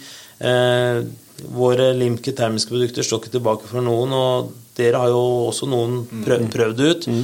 Eh, det er ikke alltid bare det er spekkene som er, selv om vi har de beste spekkene i bransjen, vi også. Men så er det bruker, eh, brukervennlighet og størrelser og alt som kommer inn. og jeg var så heldig at jeg jobba for et firma som het Gerber før. Eh, og da sa jeg alltid at den beste kniven, når de spurte meg om det, det er den du får med deg. Det er den du gidder å ha i lomma di. Mm. Og den, den, du har med deg. Og det hjelper ikke om du har verdens beste hvis det er for stort og for tungt og for vanskelig å dra med seg. Der eh, kommer størrelsen og, og brukervennligheten, gleden av å bruke det. Mm. Ja, så skal ikke jeg, jeg testa like mye termisk som, som deg, Jørn, men uh, i hvert fall på, på optisk altså, så er, er, vi, er, vi, jo forskjellige. Mm. Øynene våre er forskjellige. Ja. Mm. Sånn at uh, i hvert fall er min påstand at uh, i hvert fall i toppsjiktet så, så, går det ikke an å si hva som er best for den ene eller for den andre. Altså, det, det er hvert jeg har opplevd sjøl når jeg har testa det toppene mot hverandre, så, så, så, så, er jo alt veldig veldig bra, for å si det først og fremst. Men, men de, i nyansene mm. så er det både hvordan det ser ut og hvordan det føles, og, og hvordan dine egne øyne reagerer på det. Ja. Og sånn vil jeg tro at det er en viss grad det er med termisk òg. Definitivt. Ja, så vil jeg, altså, som du var inne på her, eh, Jørn, altså, fra, fra de første termiskene eh, kom på markedet, uavhengig av merke, og til nå, så med, med mine øyne, så vil jeg nesten si at du har satt mer pris på at det er en en, eh, et format på dem som gjør at de, at de blir med, at, du, at, de er mulig å ha i, i sidelomma på buksa eller i jakkelomma. At, de, at de blir med på tur. Ja. Det, at det er like viktig som Det er ikke noe, det er ikke noe vits til en, eh, til en termisk spotter hvis den ligger hjemme når du er ute i, i skog og mark. Nei. Og Det kan du også se på all optisk. Mm. Vi, hadde jo, vi prøvde vel begge to i fjor en liten kompakt spotter også. Mm. Og den er ikke like god som en svær spotter. Men den store spotteren har jeg aldri giddet å tatt med på elgjakta. Plutselig hadde vi begge en følelse av at denne spotteren kan vi faktisk ha med og bruke. Og det er det det er snakk om. Yes. Finne noe som passer deg og ditt bruk. Mm. Vi må begynne å runde av etter hvert. Det er, det er noe, det er noe tid. Vi er ikke så vant til å tenke på klokka, vi vet du, som driver med driver og prater jakt dagene lang. Så, men vi må ta et par spørsmål til før vi runder av. og det er en fra Evige jaktmarker, et Instagram-navn, eh, som sier at han har sett på en del forum jaktrelaterte sider at uh, sluttstykket på Søver 404 drar ned kule nummer to fra magasinet, slik at det blir stuka ned i magasinet og blir ødelagt. Det her gjør at man ikke får lada om. Han har opplevd det sjøl, men fikk ordna oss sin forhandler. Er det noe som skjer ofte, og er blitt gjort noe med produksjonen for å fikse det på fremtidige våpen? Så sier han for øvrig at Søver 404 er et fantastisk når alt fungerer. Da må man bare takke til dit han gikk, i hvert fall, for å fiksa det. Mm. Dette er ikke noe vi hører ofte om. Det er kanskje én til to ganger i året. Har du hørt om det? Har du vært borti Stig? Nei, det er vel på den frekvensen du nevner ja, der, ja. Og der har vi noen fantastiske børsemakere, Petter Korsell bl.a., som er en av de som hjelper oss med dette her. Um, alle børser har sin lille personlige identitet, og noen ganger så er det slik at noen spor framme i bolthodet ikke går helt overens med det magasinet, om den har fått en litt annen vinkel, en liten bøyning. Det er så små ting det kommer an på her. Men uh, marginale ting. Uh, og det er som man sier, når den børsa funker, så er det fantastisk. Uh, men har det noe som helst Og det, det, er bra han spurte om, fordi det er en ting jeg ofte lurer på. Når jeg får sånne spørsmål at jeg har det og det magasinet, men der spretter ut det, eller den, den kan jeg bare skyte ett skudd med, så må jeg skru den til, skal det være sånn? Nei, det skal ikke være sånn. Hvis, ikke, altså, hvis, ikke, hvis du får bare skutt to skudd med kikkerten din, og så, så detter lokket ned eller et eller annet, eller hvis eh, du skrur på lyset og det lyser, og du skyter og det stopper å lyse Hvis du ikke får tatt ordentlig ladegrep, så skal det Børser er verktøy, og det skal funke 100 Nei, Gjør det ikke det, ta det med til forhandleren din, og fiks det. Eh, vi fikser børser som er over 20-30 år gamle her eh, ofte. Så ikke tenk på at det skal være hvis, hvis, det er noe som sier at noe er feil i bakhuet ditt, så er det noe som er feil. Ta det til forhandleren din. Fiks det. Det er det garantier er for. Og Det er også derfor dere har kjøpt eh, kvalitetsmerker. Uansett hva det står på dem, så skal den, eh, den brukerfølelsen være på topp. Få Fiks det, og gjør det nå. Ikke vent til eh, august. Gjør det nå. Ja, det er Eh, litt på Mauser, da. Felix 06 AF.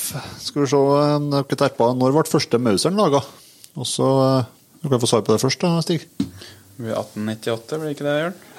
Nei, i grunnen så lagde Mauser børser faktisk fra 1811. Da var det, kom den første produksjonen. Men 1898 så kom jo The Mother of All the Bolt Rifles. Da kom M98. Så det er den, eh, og det er den som alle er en kopi av, helt til vi kom med Blazer R93 i 1993. Så 1811 er årstallet for Mauser. Mauser. Eh, ja. Kult. Og så var det fra Fenrisen som vi har nå, er 19 000, er det ikke? 1895, ja. Ja. Er. For da Mauser de matten med GRS Fenris. ja. Og Da var tiskuddsmagasin Picatinny og dråpeforma, og den er vel kappa på 47 cm, er den ikke det? Jo. jo. Ja, Det er litt mer hendig enn de andre. Kul pakke, det, altså. Veldig tøff. veldig tøff. Da skal vi eh, virkelig gå inn for landing og slippe dere, men ikke før eh, Stian eh, Sjøholt Strand Trana har fått svar på sitt spørsmål som er beste jaktmien. Du kan få starte, Stig. Ja.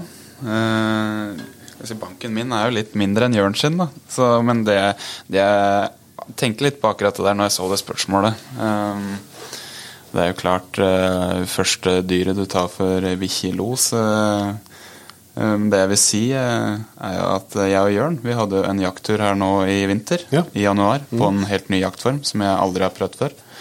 Uh, faktisk ingen av oss som hadde skutt i tiur før. Eh, Så vi prøvde oss på toppjakt i Sverige Sverige i eh, januar. Hadde superflaks, megatur med tanke på vær og forhold. Det var kanskje litt på grensa òg i forhold til hvor kaldt det var. Det var 20-25 minusgrader. Perfekt. Det vi hadde, var to jaktdager med klink sol, blå himmel og masse tiur i topp. Eh, Det var litt sånn tatt ut fra et eventyr, egentlig. Eh, Fredagen første helga der så får jeg skyte i min eh, første tiur i topp. Litt treg start der, men så kom lørdagen eh, sammen for meg og Jørn, hvor vi i eh, tusla på disse Åsnes-skia våre. Jeg tror det var- ble sju timer i strekk. jeg. helt. Stoppa vel bare sånn i to minutter for å spise brødskive i handa. Vi, vi hadde situasjoner gang på gang på gang. Og én ting var jo å på en måte lykkes med den opplevelsen å skyte sin egen første tiur, men eh, å ligge ved siden av Jørn og eh, se på den gleden og på en måte når han skøyt sin første og Jeg visste jo at jeg hadde jeg skjøt eh, en på fredagen, så veide 4,3. Ja. Og Jørn skøyt sin første på lørdag. Og jeg har faktisk filma det på telefonen min når Jørn er og henter den. For da var det en flokk som vi begge skøyt på. da. Nå fikk Jørn skyte sin første tier, og så, så kommer han gående med meg. Stabber i løsenen på skia. Og Jørn er kanskje 60-70 meter unna. Og jeg bare syns ja, det var en fin tiur. Og den blir bare større og større og større. Og når han kommer rett foran meg, så den tiuren, den er så svær. Så debuttyren til uh, Jørn, den veide da 5,1 kilo. Ja. Og eh, bare hele turen der, og dagen, den var bare sånn Det er sånn du ikke kan beskrive. Så jeg tror jeg er skada for livet. Det kommer aldri til å skje igjen, men den, hele den pakka der, da, med at du, du drar på tur med, med gode kompiser, du treffer på føre og forhold, du treffer på fugl, eh, en ny jaktform som du får prøve, og så lykkes du til, til de gangs. Det var bare helt, helt rått. Ja, altså de, de vinterdagene der. Åh, Med, med sol og blå himmel. Perfekt eh, sånn pudderføre. Og så lenge du holder deg litt i bevegelse da, hele tida, så blir, er ikke 20-25 minus så kaldt. Nei, nei. Men det blir fort kaldt hvis du stopper. så nei, det var sånn ja, Vi var ute halv ni-ni på morgenen, og så tusla vi inn i bilen eh, rett før fem. Ja. Og da hadde vi bare gått og situasjonen, og så litt sånn debrief. Du står og snakker om situasjonen, og begge var jo litt nye på det her, så de første så er det jo litt adrenalin, og det koker gjerne litt over, da. Så litt sånn eh, Hva kan vi gjøre bedre til neste gang? Og nei, det bare lykkes så, så til de grader, så både jeg og Jørn fikk jo skøyt i opptil flere tiurer på den dagen. Ja. Jeg hadde jo eh, støtter alt eh, Stig sier i den sammenhengen her. Dagen før så hadde jeg gått åtte eller ni timer på ski uten å sett én fugl. Så jeg hadde jo den siste dagen der var jo bare helt rå for meg. Så generelt sett, sånn når det kommer til jakten så må jeg si at det, det er når ting funker sammen med noen. Og gjerne hvis det er litt at man er på samme nivå, man, man, man løfter seg sammen. da, Om det er i jaktlag eller om det er eh, to personer eller noe annet. Men jeg må si at alle de beste minnene er det jo Du har det sammen med andre. Du gjør noe som du ikke helt hadde troa på eller var litt skeptisk til, og så blir det bare helt knall. Eh, så må jeg bare si at liksom, uansett hvem du jakter sammen med, eller den delen der, jakt er så oppturer og så nedturer eh, på alle mulige måter. Og har du jakta med noen i tre dager, ja, da kjenner du dem bedre enn du har jobba med dem i tre år. Det er eh, den gleden og den sorgen og det bomskuddet eller den stjernetreffen, det, det går rett inn i, i hjerterota mi. Så den, den turen vi hadde der, Stig, den, da ble jeg bedre kjent med deg, og jeg ble kjent med meg sjæl, og det var eh, superhyggelig sånn sett. Og alle de gangene man opplever det, så er det bare å, å, å kose seg. Så kommer det noen tårer, og kommer det noe gledeshyl, og, og, og av og til så kan det jo være det motsatte, at man opplever de mest forjævlige tinga også under der, og, og det går ordentlig gærent. Men når du da klarer å gjøre noe sammen og, og løfte seg opp av det og, få det og Om du da skyter en kalv, eller om du skyter en ja, en hundrespiring fins kanskje ikke, men, men altså en, en stor okse eller eh, en fem kilos tiur, ja, det, det er en liten del av det. Det er den totale følelsen av jakta og gleden sammen. eh, I, I en natur som vi er fantastisk heldige å kunne bruke eh, som nesten som vi vil i det landet her. Så ja, det er vel det. Det var en bra plass å runde av. Så Vi skal si takk for at eh, dere igjen eh, stilte opp eh, til en prat. og jeg syns det er litt offensivt å la oss innhente spørsmål fra våre kjære lyttere, og la oss i tillegg få velge ut hvem vi skal stille videre til dere. Det syns jeg er sporty, så jeg skal ikke For det, det, det er mange spørsmål her som ikke har kommet med, og det, det var en enorm respons på, på kort tid på, med spørsmål. Og, og vi hadde dessverre ikke plass til alle. Nei, det er sånn, bestandig sånn. Men det er premiene som er trukket ut, trukket ut blant alle sammen. Så da tror jeg vi sier takk. Takk for praten. Takk skal dere ha. Det var altså Jørn Bakken og Stig Murphy i Blazer Norge. Der har måtte, de måtte tenke seg litt om innimellom, faktisk òg. Ja, de måtte det. og Smarte lyttere, vi, vet du. Så, så så jeg at de, de hadde forberedt seg godt òg. De, de har vært smygkikka på spørsmålene, så de hadde hentet inn noe, de hadde måttet inn notater på forskjellige ting òg.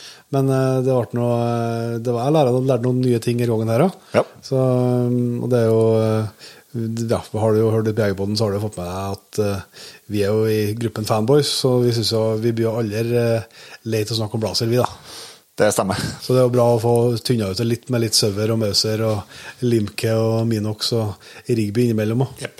Det, men vi har jo lova ut at eh, noen heldige vinnere skal få eh, premie. Ja. For at de var med og hjalp oss å lage episoden gjennom å stille spørsmål.